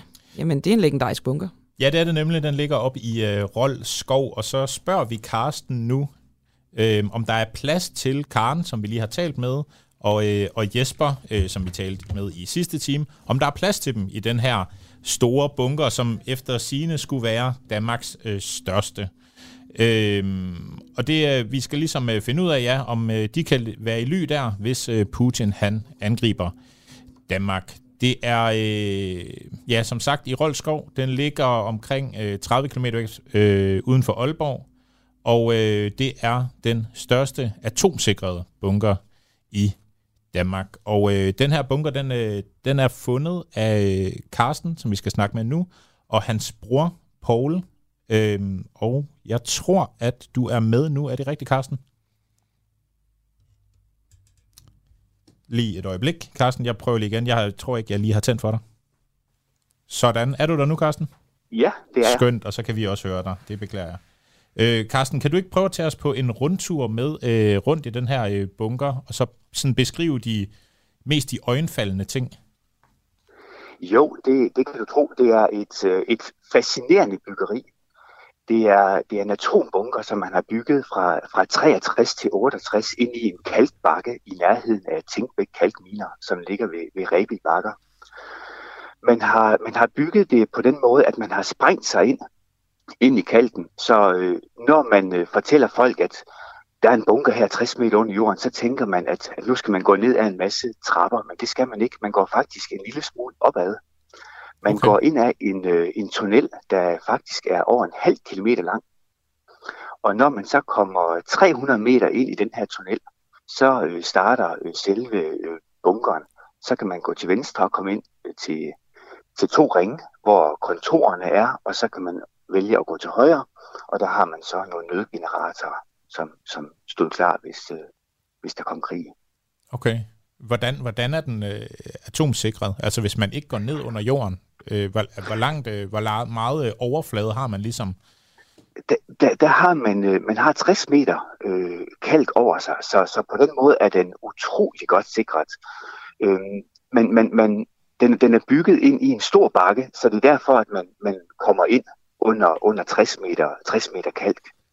Og øh, hvis du for eksempel har været i, i Tingbæk kalkminer, hvor man står i sådan en, i sådan en grotte, der sådan er, er sprængt ud, så, så inde i den her grotte, som så består af, af to ringe, forestil dig to, to cykelslanger, der ligger ved siden af hinanden. Ja.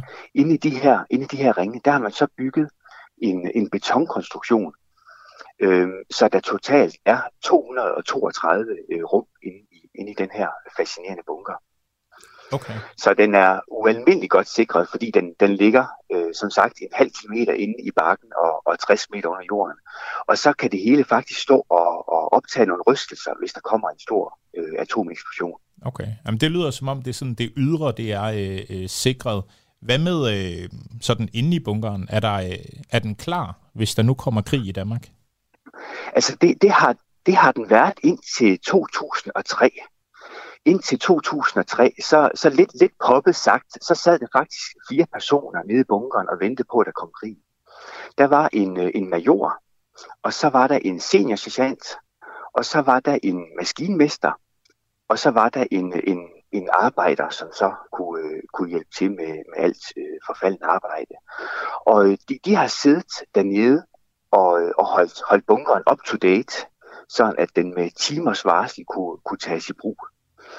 Og øh, indtil, øh, som sagt, indtil 2003 sad de så dernede, og så fra 2003, så øh, kom den i dvale, og det vil sige, at så ville der gå noget tid, før den kunne tages, tages i brug. Så skulle øh, telefonsystemerne og, og de ting opdateres. Okay. Og så fra 2012, så blev den så øh, skrevet ud af beredskabet. Så hvis der kommer krig i dag, vil man ikke, øh, vil man ikke bruge den. Men, okay. Hvad siger du, hvad gjorde den i, i 12? Hvad for noget beredskab siger du? Øh, i, I det civile beredskab, så det vil okay. sige fra 2012, så, så, så vil man ikke bruge den længere, hvis der kom krig. Der har man så et, øh, et anlæg et sted på, øh, på Nordsjælland, der hedder Regan Øst, som i dag står klar, hvis der ah, kommer krig. Okay. Og hvis der nu kommer krig, øh, er der så plads i... Øh, jamen, det, nu har du næsten svaret på det, men jeg vil spørge, om der er plads til Jesper og Karen, hvis der kommer krig. Nu siger du godt nok, at den ikke er aktiv længere. Øh, men ja. det er jo heller ikke, den var jo heller ikke, er det for rigtigt forstået, den heller ikke er øh, ment til at huse almindelige mennesker? Det, det, det, er, det er helt korrekt. Altså, der er øh, i Regan Vest, der, der er plads til, til 350 personer, og det lyder jo umiddelbart af, af rigtig mange. Men øh, dem, der skulle være nede i bunkeren, det var regeringen. Og så var det øh, topembedsmænd, og så var det kongehuset. Øhm, og, og derudover, så var der jo en masse, som skulle med derned. Der var blandt andet de her kommunikationslotter, som skulle, som skulle stå for kommunikationen og sidde ved de her omstillingsborde. Og der var jo nogen, der skulle øh, holde, holde bunkeren ved lige. Der var øh, maskinmester, der skulle holde det hele kørende. Øhm, så man kan sige, at man kommer jo relativt hurtigt op på 350 personer, mm. så, øh, så, så der bliver nok desværre ikke plads til dig. Men hvis nu, altså nu kan jeg jo forstå, at de andre, altså regeringen, de skal sidde i den, der hedder, øh, hedder Regan, Regan Øst. Øst. Ja. Ja. Kan vi andre så Ja. ja. bare ikke, kan vi andre ikke tage op i, øh, i Regan Vest så? jo, altså I, I, kan jo, I kan jo selvfølgelig prøve at, prøve at banke på, så, øh, så er det da en chance, men, øh, men, men man, man, kommer, man kommer jo hurtigt op på 350 personer, men, men, men hvis jeg skal være så lidt, lidt grov, så vil jeg sige, der var, der var faktisk også tænkt på dig under den kolde krig, fordi øh, regeringen, de, øh, de planlagde faktisk, hvor der skulle ligge massegrave. Så, så man kan sige, at øh, der, der var tænkt, tænkt på, på, den, øh, på den mindste, mindste detalje. Og så spøg til side, så var der faktisk også øh, 4,7 millioner øh, civile beskyttelsesrum øh, rundt omkring i landet. Okay. Det var sådan, at hvis man, hvis man byggede en, øh, en, en virksomhed eller noget, øh, eller en skole, så, så skulle der være et beskyttelsesrum øh, i, i kælderen. Okay. Men, øh, men det var øh, som sagt kun, øh, kun eliten, der skulle, der skulle ned i Regan Vest. Må jeg lige spørge, nu kom jeg til at tænke på, Carsten. Der står i mit øh, manus, at i 94, det var der dig og Carsten, eller dig og Paul, I fandt, øh, I fandt bunkeren. Men du siger Ja. også, at der sad folk dernede indtil 2003. Hvordan fungerede det? Blev I så øh, passet op, da I kom derned, eller hvad skete der? Altså, øh, vi, vi, vi fik ikke adgang til bunkeren i 94, men, øh, men min bror og jeg, vi var til en familiefest i 94, hvor vi fik et tip af en mand, som sagde, at i nærheden af det her gule hus, der ligger ude på den her vej, i nærheden af, af Rødskov, der er en dyb, dyb hemmelighed. Og vi var bare et par, par drenge dengang, og vi synes det var så spændende. Så det første foto, vi har taget af bunkeren, det er fra 1995, hvor vi ligger oven på bunkeren og, og, og, og spionerer. Og dengang der vidste vi faktisk ikke, hvad det var. Øh, vi fandt øh, relativt hurtigt den her indgang, indgangspartiet. Og øh, så gik der noget tid. Så fandt vi så noget, der lignede nogle nødudgange. Og når vi så kom hjem på et kort, så kunne vi altså se, gud, der er altså virkelig langt fra, fra det her indgangsparti og hen til nødudgangen. Der var faktisk over en halv kilometer lang. Øhm, så vi fandt jo lynhurtigt ud af, at det her, det er noget, det er noget, altså noget helt, helt enestående. Og øh, foran øh, den her øh, bunker, der, der ligger en maskinmesterbolig. Et helt almindeligt gult hus. Okay. Og når vi så gik dernede, vi var jo et par, par drenge på 15-16 år, når vi så gik dernede på vejen og nærmede os huset, fordi vi skulle om bag huset og, og, og se, så lige pludselig sad en inde i huset og kiggede på os, og så var vi jo simpelthen, så var vi jo, så var vi jo skræmt, og så gik ja. der noget tid, før vi havde mod til at, at komme derud igen. Okay. men, jeg, Men og men jeg, med det, så er jeg simpelthen, jeg kunne jo sidde og lytte til det her hele dagen, men det Ja, ved du hvad? jeg må komme op forbi øh, på besøg på et tidspunkt. Vi har fået en gæst i studiet, så vi bliver nødt til at lukke, øh, lukke ned her. Kan du have en rigtig god Ja. dag, Carsten? tak lige. Hej. hej. Du lytter lige nu til Den Uafhængige. Danmarks måske mest kritiske, nysgerrige og levende radio. Hvis du har en god idé til en historie, så skriv til os på Facebook eller send os en mail. Adressen finder du på hjemmesiden.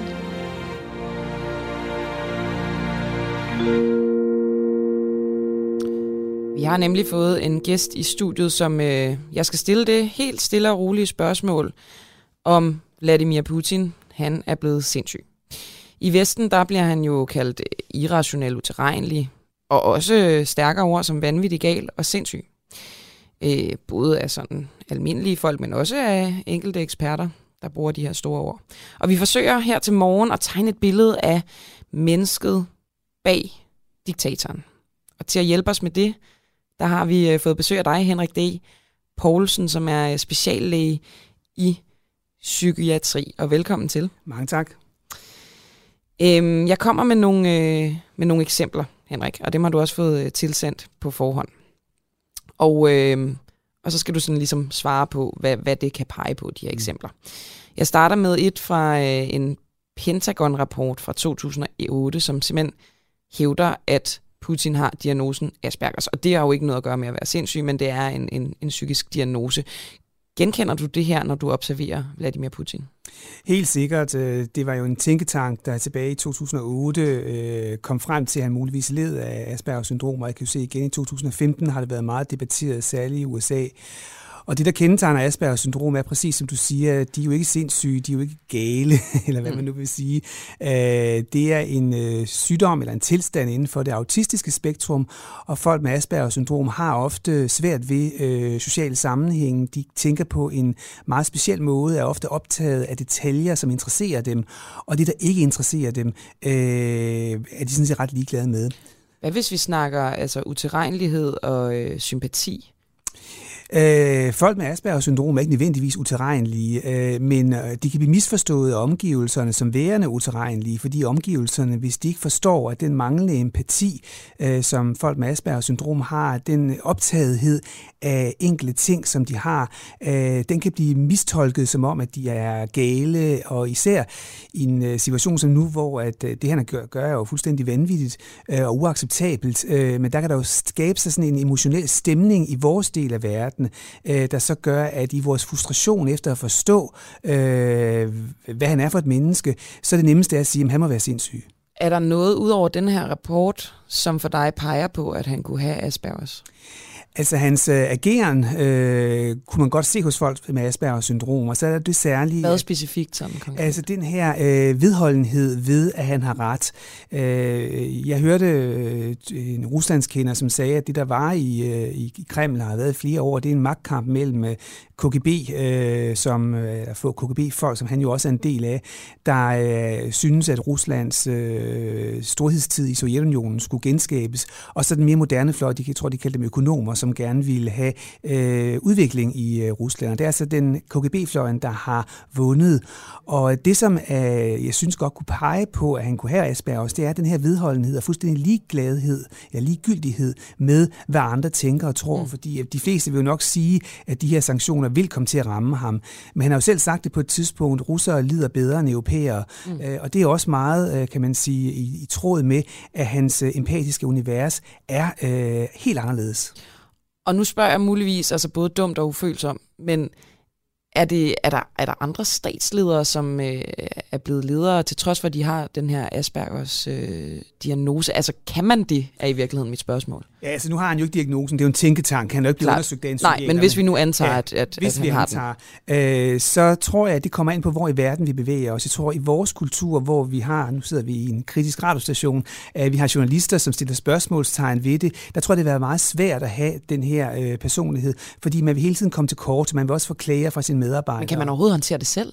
Øh, nej, det kan man ikke, men det er også ligegyldigt, hvis det er sådan, ingen stiller spørgsmål. Og sådan som øh, Rusland fungerer for øjeblikket, har gjort det et stykke tid, der er han jo nærmest sar, han er nærmest enehersker, og så er der jo ikke nogen, der stiller spørgsmålstegn ved det. Det er i hvert fald ikke åbent.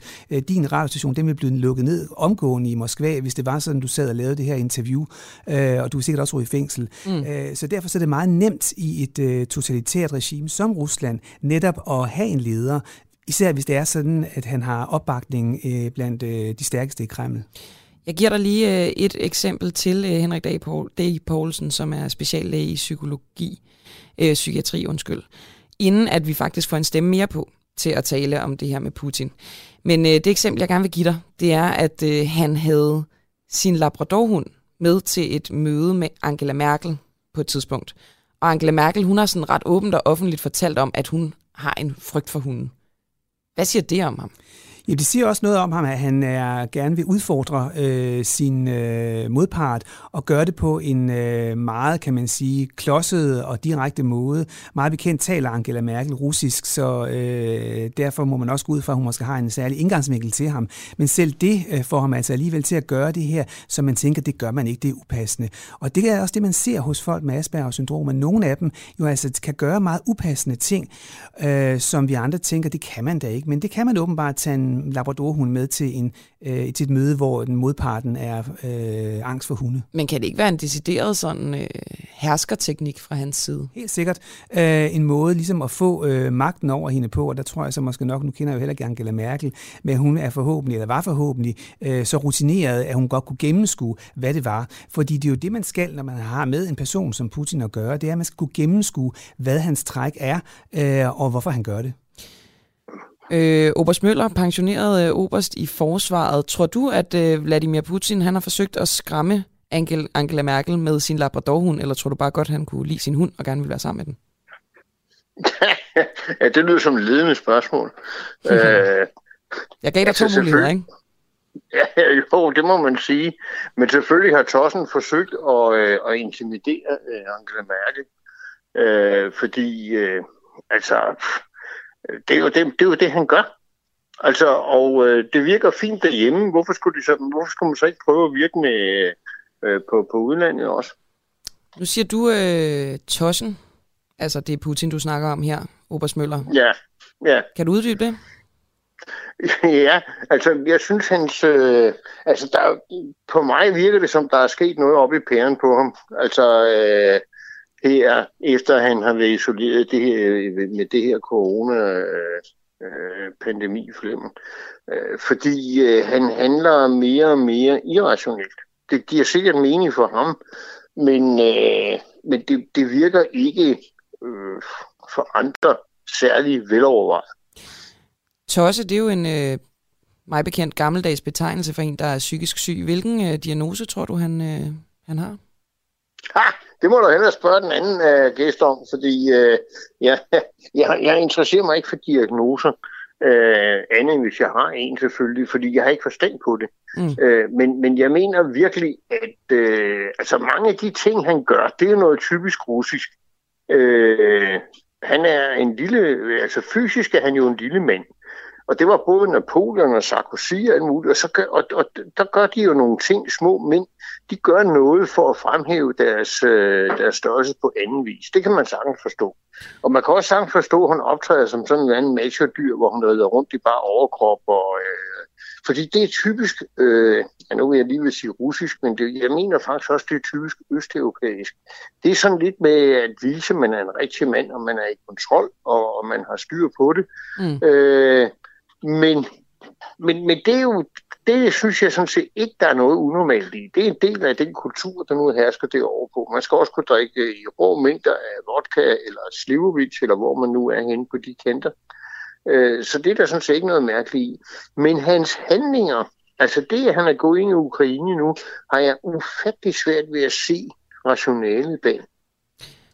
Mindre værtskomplekser, Henrik øh, D. Poulsen, er det øh, noget, der ligger sig op af Aspergers øh, syndromet? Nej, de interesserer sig egentlig ikke så meget for, hvad andre synes om dem. Øh, de er kun optaget af deres øh, enkelte øh, mission. Øh, så jeg tror egentlig, at en mand som Putin er ret ligeglad med, om folk kalder ham tosse eller sindssyg, eller har en mand med mindreværdskomplekser, fordi han kun er 1,60 meter.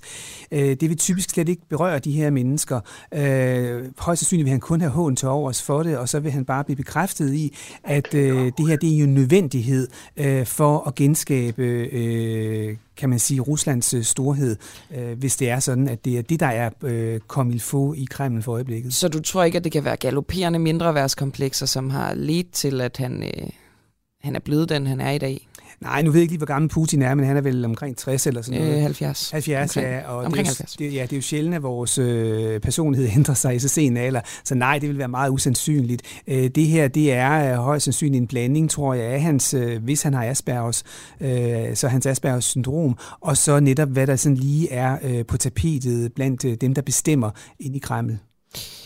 Obersmøller, øh Putin han øh, nægter at trykke andre statsledere i hånden, og øh, når han holder møder med dem, så, øh, så placerer han dem i hver sin ende af, af sådan et meget, meget langt bord. Hvad tror du, han forsøger på med det?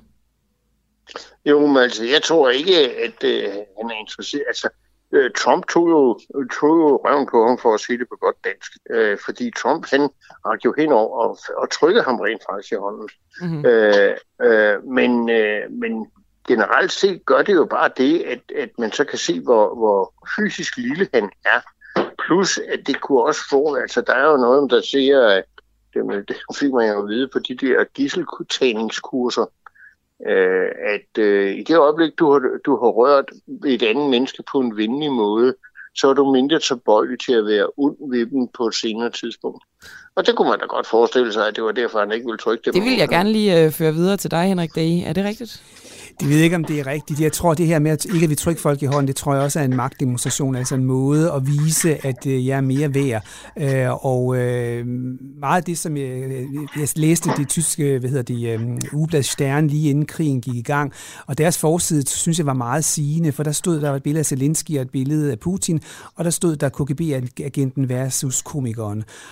Så jeg tror, det som Putin han ser på, det er, hvor stærk modstanderen er, og en måde at være stærkere på, det er for eksempel ikke ved at give hånd. Og jeg tror overhovedet ikke, han har nogen som helst respekt for øh, Zelensky, netop fordi Zelensky jo ikke har den her, øh, kan man sige, øh, politiske øh, erfaring, som der jo skal til for at lede et land. Og det kan måske også være derfor, han turer at gøre de her ting, fordi han jo netop så ikke har respekten. Det her billede, vi så af bordet, hvor, sig, hvor øh, Macron sad i den ene ende, og han sad i den anden, den havde været meget vis var i sidste uge, er jo en massiv magtdemonstration fra hans side, og igen en måde at udfordre øh, Macron på, fordi det er jo så unaturligt har siddet så langt fra hinanden, ligesom på samme måde som med Labradorhunden og Angela Merkel. Jeg øh, snakkede med Lars Seier Christensen i går, som øh, fortæller, at han har forskellige kilder, som har været tæt på Putin over mange år, øh, som har ligesom observeret, at han har de her vredesudbrud. Altså han isolerer sig, og han har de her vredesudbrud. Og øh, da, jeg, øh, da jeg talte med ham om det, så kom jeg jo nægteligt til at tænke på Adolf Hitler. Mm. Er der noget øh, sammenligningsgrundlag mellem Vladimir Putin og Adolf Hitler? Jeg ved godt, det er lidt kontroversielt at lave den sammenligning. Nu starter jeg lige hos øh, Obers Møller. Hvad siger du? Ja, I hvert fald hans handlinger, ikke? Altså, øh, hvis vi nu leger, at, at øh, Georgien, det var Østrig, og så Krim, det kunne være Sudeterlandet, så kører han jo fint derud af, og så Ukraine, det er Polen. Øh, så, så, det, så hans handlinger, den, det giver fin mening, øh, hvis man sammenligner med Hitler. Okay, og hvad siger du? Altså, der er jo lavet mange psykiatriske gætterier på, hvad Hitler fejlede. Jeg tror, de fleste er enige om, at han havde den øh, personlighedsforstyrrelse, der hedder psykopati, som er helt anderledes end øh, Aspergers syndrom. På overfladen kan de godt ligne hinanden, men det, det der er forskellen, det er, at øh, psykopater er meget mere impulsive. De er for ofte de her raserianfald og kan være helt utilregnelige. Putin kan man jo selvfølgelig godt sige, kan være det, men de her raserianfald, som du beskriver, eller når han bliver voldsomt vred, kan man altså også se hos folk med Aspergers syndrom, når de bliver revet ud af det, som de synes, at nu de lige optaget af det her. Og derfor kan det da godt være, hvis der kommer en eller anden øh, udenlands udenlandsstatsleder med noget, som i Putins optik er fuldstændig vanvittigt, at det gider han overhovedet ikke at høre på, og så reagerer han ved at blive voldsomt aggressiv. Så jeg tror, man skal passe på, hvis det er Asperger, han har, øh, og sammenligne ham med Hitler, for der tror jeg, der er nok ret gode, øh, hvad hedder det, øh, ikke sige gætterier, men viden om, at diagnosepsykopati hos Hitler nok var øh, rigtig. Så er der nogen, der i sidste ende af krigen måske spekulerer i, om Hitler faktisk blev reelt sindssyg, altså om han udviklede en paranoid tilstand øh, over for verden. Og det vil jeg ikke afvise, at det kunne også være tilfældet. Mm.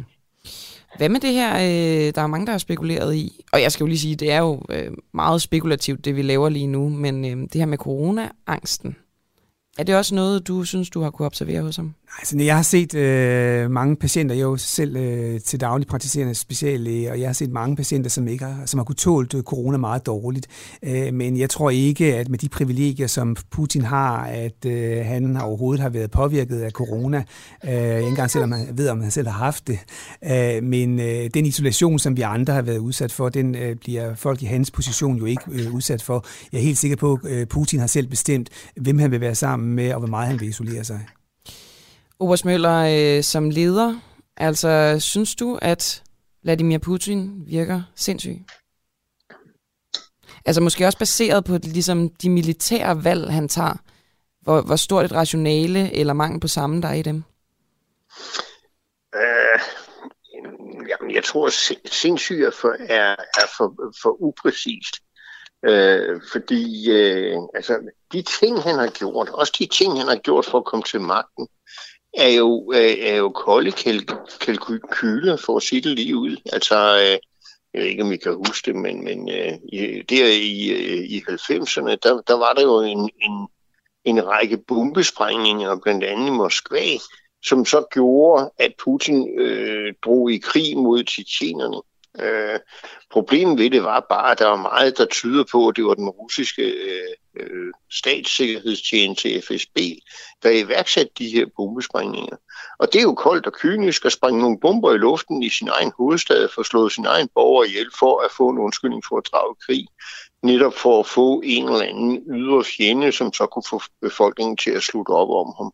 Og det ser man jo gang på gang. Og der, der mener jeg jo ikke med, at, at, at det ikke er er uden øh, baggrund, altså intellektuel baggrund. Det er bare sådan lidt øh, en del uden moral, ikke? Ja, ja nu siger altså, du uden øh, intellektuel baggrund, øh, Obersmøller og Henrik D. Altså for mig så lyder det som en skingerne psykopat. Øh, det kan det godt være, men det kan også være øh, almindelig strategi. Altså, at øh, hvordan, hvis man gerne vil invadere et land, så er det enig med, øh, med Obersten i, altså det er da smart at øh, lave et fingeret angreb, øh, som man selv i scenesætter, og så giver skylden på, så, til nogle andre. Så man kan godt være koldblodig, kalkuleret og strategisk, uden at være psykopat. Det kan man sagtens. Øh, og øh, folk med Aspergers syndrom, øh, nu skal vi jo ikke sige, at hvis der sidder nogen derude og lytter på, der er Asperger, at de alle sammen er som Putin. Ej, for Det vil jeg gerne understrege. Men ja, hvis, hvis det er rigtigt, hvad Pentagon mener om ham, så kan man sagtens se det, fordi Putin ser jo ikke nogen problem i det. Altså, det er, det er en opgave, der skal løses. Han er meget konkret, og så løser han opgaven. Og han tænker ikke så meget over konsekvenserne, og heller ikke, som Oberst meget rigtigt siger, moralen, fordi han har ikke nogen moral. Til sidst, øh, begge to, måske starter jeg hos dig, øh, Henrik Dag. Det har jo været sådan ret spekulativt, det her, vi har siddet og snakket om nu. Hvordan synes du egentlig, det er at sidde sådan... Det er jo ikke, fordi du decideret fjerndiagnostiserer ham, vi sidder og spekulerer. Hvordan er det for dig som psykiater? Jamen altså, øh, jeg må sige, at øh, det, grunden til at sidde her, det er jo fordi, at Pentagon, som jo må gå ud fra, øh, har nogle ret gode folk ansat. Øh, de er kommet med de her øh, hvad hedder det, teorier for en del år siden, som har fyldt meget i medierne. Og det er også derfor, nu findes konjunktiv næsten ikke på dansk, men jeg siger jo hele tiden, hvis øh, Øh, han har Aspergers syndrom. Så det, det, jeg sidder og udtaler mig om, det er jo øh, i forhold til det materiale, som Pentagon har. Om det er rigtigt eller ej, det ved vi ikke. Jeg så, at der var en talsmand for Putin, der i 2015 var ude at benægte det, men det vil man jo næsten øh, regne med, at det kan. Men det, det, jeg tror, der er vigtigt i den her diskussion, det er ikke, hvad han fejler eller hvad han ikke fejler. Det er, hvordan vi skal takle ham. Og der kan jeg godt være lidt nervøs for, at den her, og nu bruger jeg et lidt grimt ord, den her hysteriske stemning, der er i Vesten nu, øh, hvor vi skal finde en eller anden diagnose og klister på ham, at det faktisk gør, at dialogen, øh, som jo er nødvendig, hvis vi skal undgå 3. verdenskrig, at dialogen simpelthen bliver kvalt i vores iver efter at give os selv ret og, og stemple ham som sindssyg. Tror du også det, øh, Overs Møller, at øh, stemplingen af Putin kan forværre øh, altså sikkerhedssituationen? Nej, altså jeg, jeg tror på, at manden er en bølle, øh, og han er en bølle, der kun forstår magt. Og derfor, hvis man ikke selv besidder noget magt, så kan man ikke stoppe ham. Øh, og øh, og det, det er jo bare det, man skal, man skal huske på. Fordi øh, selvfølgelig skal vi kunne snakke med manden på et senere tidspunkt. Der er 141 millioner russere, ikke? og vi, øh, vi har da en del samarbejde med dem. Specielt fordi vi har gjort os selv afhængige af deres energi. Øh, men at stole på ham, det tror jeg vil være en skidt ting fremover.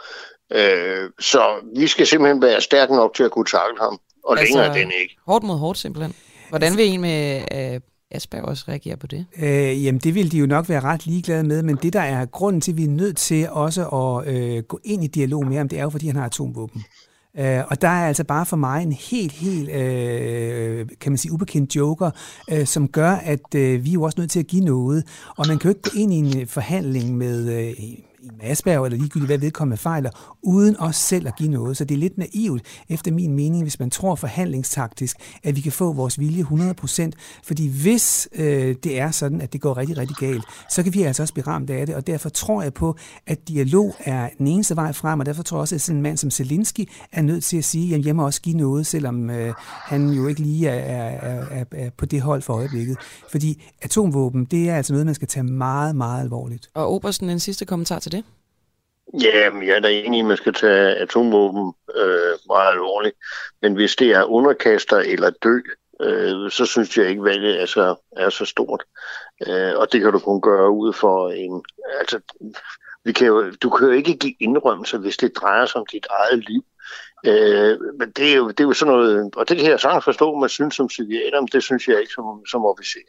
Hvis det er sådan, så folk vil slå mig ihjel, hvis jeg ikke gør, hvad de siger, så må jeg være stærk nok til at kunne sørge for, at de ikke kan slå mig ihjel. Punktum. Tal som øh, var du en oberst, og det var du jo også, og det, du hedder Oberst øh, Møller. Tak fordi du var med. Jeg kunne høre, du hældte en lille kop kaffe op. Den skal du have lov til at nyde. Velkommen.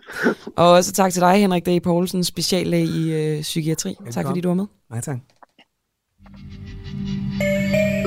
Oppositionen i Folketinget er afgørende for demokratiet. Det glemmer mange, men vi husker det på den uafhængige. Derfor giver vi en fremtrædende oppositionspolitiker en mikrofon og et studie hver uge. Lige nu er verden blå, men hvis magten skifter, bliver verden rød. Lyt til oppositionen på den uafhængige app, som kan downloades gratis.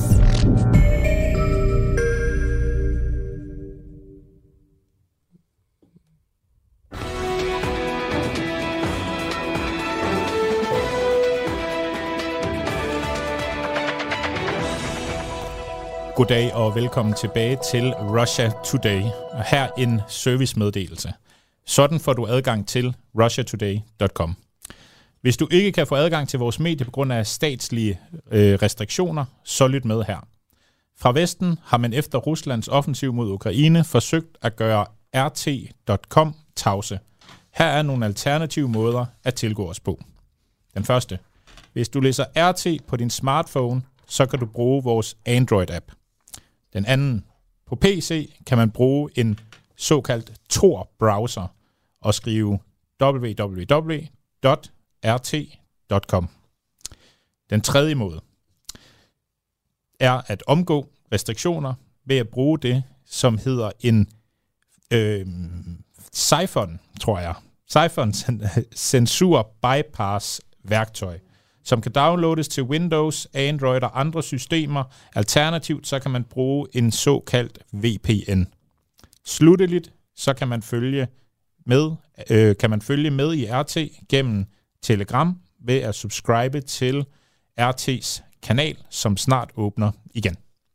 Og RT dækker altså over mediet Russia Today, som er et af de to medier, som øh, EU har besluttet at suspendere. Altså censurere, og det er derfor, at vi øh, har besluttet her på Den Uafhængige at give jer lyttere ufiltreret fri adgang til øh, nogle af de nyheder, som der er inde på Russia Today, for øh, simpelthen at øh, I, altså modgå denne her censur, fordi det skal være op til den enkelte og, øh, at stille sig kritisk over for den information, der ligesom flyder ind. Ja, i hvert fald så, Camilla, du talte jo med øh, flere kilder i går, som, som ligesom gav udtryk for, at, for at, at det her, det er censur. Altså, så det er ikke noget, vi bare har besluttet eller fundet på. Nej. Kan du, øh, kan du give mig et, øh, et lille nyhedsoverblik over, hvad der står på øh, Russia Today lige nu, Mads? Det kan jeg lige om et øjeblik. Altså, vi har for eksempel en, øh, en nyhed om, at øh, NATO de er øh, i gang med øh, eller Ukraine, hvis Ukraine de øh, tilslutter sig NATO, så vil det gøre situationen længere, og det er øh, den svenske premierminister, der advarer om det. Øh, så er der, jamen det kan være, at du måske selv har øh, lidt yderligere om den nyhed at sige.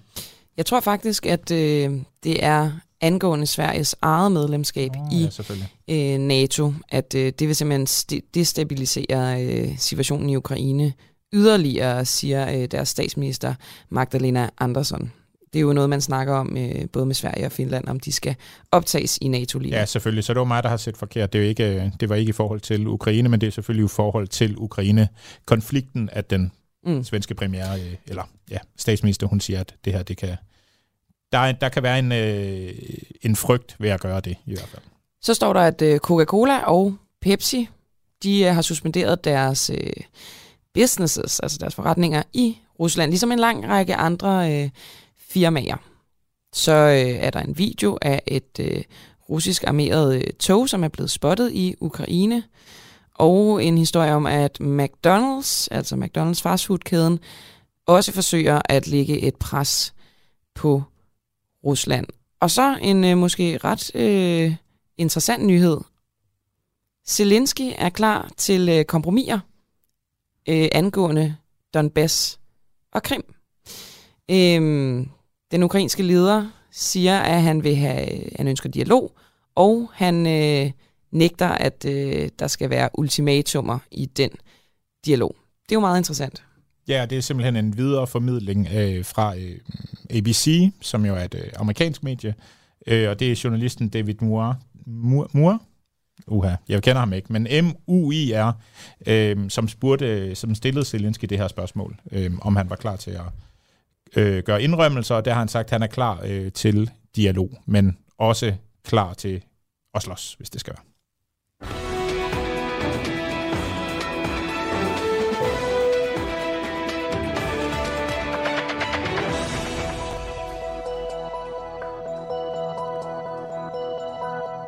Og farvel til Russia Today fra nu. For nu.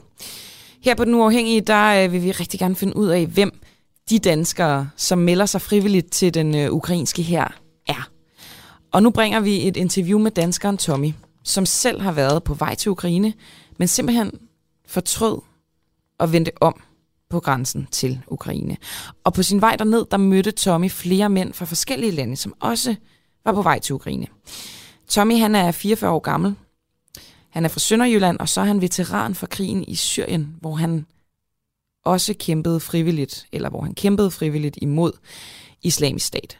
Og i vores øh, podcast her på Den Uafhængige, som hedder Dagbog fra Ukraine, der fortæller han til øh, vært Pernille Brunse om nogle af dem, som han mødte på sin vej til Ukraine. Nogle af dem, dem beskriver han som rainbow-typer, som var glade for våben, og i nogle tilfælde også for narkotika. Og her kan I lige høre et lille uddrag fra podcasten. Og der er desværre også nogle, nogle altså stoffer involveret også i det her miljø, fordi mm. det er så altså mega hårdt et miljø og mega hårdt liv, de lever, mm. at, at de, vil ikke, de vil ikke kunne, jeg tror de kan håndtere det, hvis det ikke er altså enten civilt eller privat, når de så er, som sige, ude af det, at de så øh, ja, giver den gas med, med, med stoffer og, og druk, øhm, men også undervejs, fordi de øh, altså, også at sove og, og alt muligt andet, at det, det, er, det, er, der er stoffer involveret i det her også, og det er fordi, mm. det er så mega, mega øh, hårdt. Simpelthen for at kunne klare øh, de psykiske men, altså imens man er i kamp og efterfølgende? Altså jeg ved ikke, om det er for at klare menen, at de, de, de gør det, men det er for at klare situationen, at de, ja. at de gør det. Og nogen, nogen måske også for menen, altså ja, det, det, det tænker jeg også kan være en, en del af det. Øh, ja. Men i hvert fald for at klare situationen også, fordi det er så mega stressende og, og, og, og grotesk at være i de situationer, at, at, øh, ja, at det, er ret, det er relativt udbredt. Tommy, må, øh, må vi ringe til dig, øh, hvis du hører fra, øh, fra de her mænd, øh, dine venner dernede i Ukraine igen, og høre, hvad der sker med dem? Generelt er de ikke glade for medierne.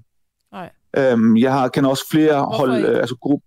Jeg tror, det er, altså, jeg tror, det er en kombination af flere ting. Øh, for det første, fordi at, at medierne måske godt kan lide, at afhængig af hvilket medie det er, men man kan godt finde journalister, man kan også nemt finde vinkler på det her, som er negativ.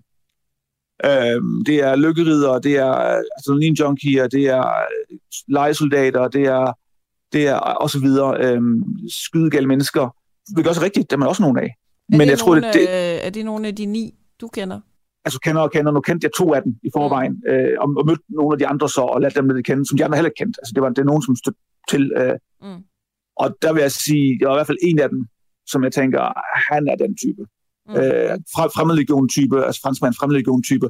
Mm. Så ja, altså, og de er der. Altså, vi så dem syrerne, de, de kommer. Øhm, og det er jo klart, at de bliver tiltrukket af, af sådan noget her, og får en mulighed for, at øh, uden alt for meget opsyn, at, at leve deres Rambo-fantasier øh, ud.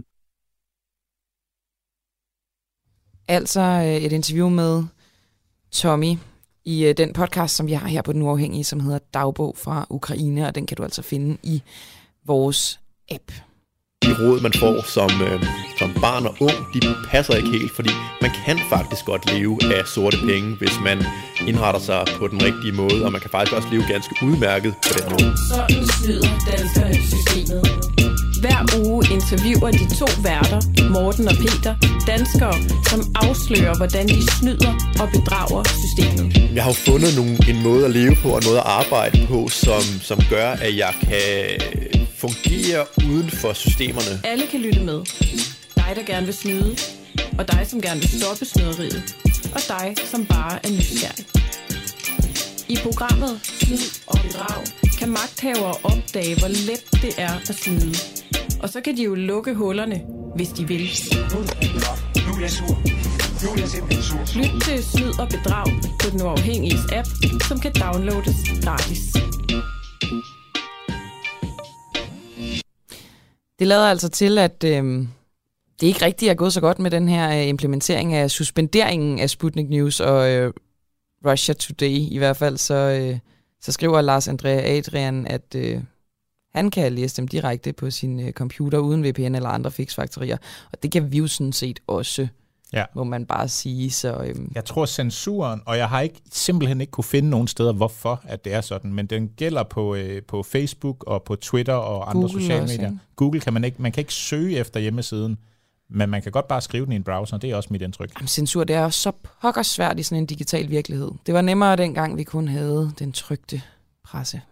Ja. Nå, Mads, har du en sidste nyhed, som så ikke altså, er fra Russia Today? Ja, det er ikke fra Russia Today, og det er øh, i forhold til noget, vi nævnte tidligere, nemlig den her evakuering af øh, de ukrainske byer, øh, den humanitære passage, man ligesom vil lave ud af byerne. Øh, Sumi var en af de byer, som vi nævnte, hvor der er omkring er 8.000, der er blevet evakueret. Der er der meldinger om, at der er 22 døde i et, øh, et bombeangreb, øh, herunder tre børn. Øhm, og det skulle være sket nu her, det skriver øh, The Guardian og BBC Ukraine. I et øh, interview med kanadiske CBC News, der advarer NATO's generalsekretær Rusland imod at angribe de forsyningslinjer, som øh, NATO bruger til at sende våben og anden hjælp til Ukraine. Et øh, angreb på NATO-territorier, på NATO-styrker, NATO-kapaciteter, ville være et angreb på NATO, siger Jens Stoltenberg. Han siger, at Rusland godt kan angribe forsyningslinjer inde i Ukraine, hvor der er krig, men understreger, at et øh, angreb i et NATO-land vil udløse artikel 5, der siger, at et angreb på et medlemsland er et angreb på alle medlemslande. Og det er klar tale fra Jens Stoltenberg. Det er altså TV2, der skriver det her. Ja. Klokken den er et minut i ni, og jeg når lige hurtigt at nævne en enkelt kommentar, øh, som Susanne Kellerup hun har skrevet. I fredag skrev I, at fra tirsdag vil I skrue ned for Ukraine-dækning og give plads til andet stof. Har I glemt det? Og Susanne, det har vi ikke glemt, men øhm, vi har ligesom måttet sande, at, at det, som der rører sig både i os og, øh, og de andre folk, vi taler med og hører fra, det er bare den her øh, konflikt i Ukraine. Der er ikke ret mange andre nyheder. Vi øh, har selvfølgelig selv en gravehistorie om øh, asyl, og medier kan, øh, kan hjælpe til asyl, som vi nok skal følge op på, men, øh, men ellers så, øh, det er også noget, vi vurderer fra dag til dag. Vi er opmærksom på det, Susanne. Ja. Og med det, der skal vi også sige farvel. Mads Bjergaard. Ja, Camille Boracchi. I øh, regien, der har vi haft øh, Barry Vessel, og øh, det her program, det var redigeret af Peter Svarts. Tak for i dag.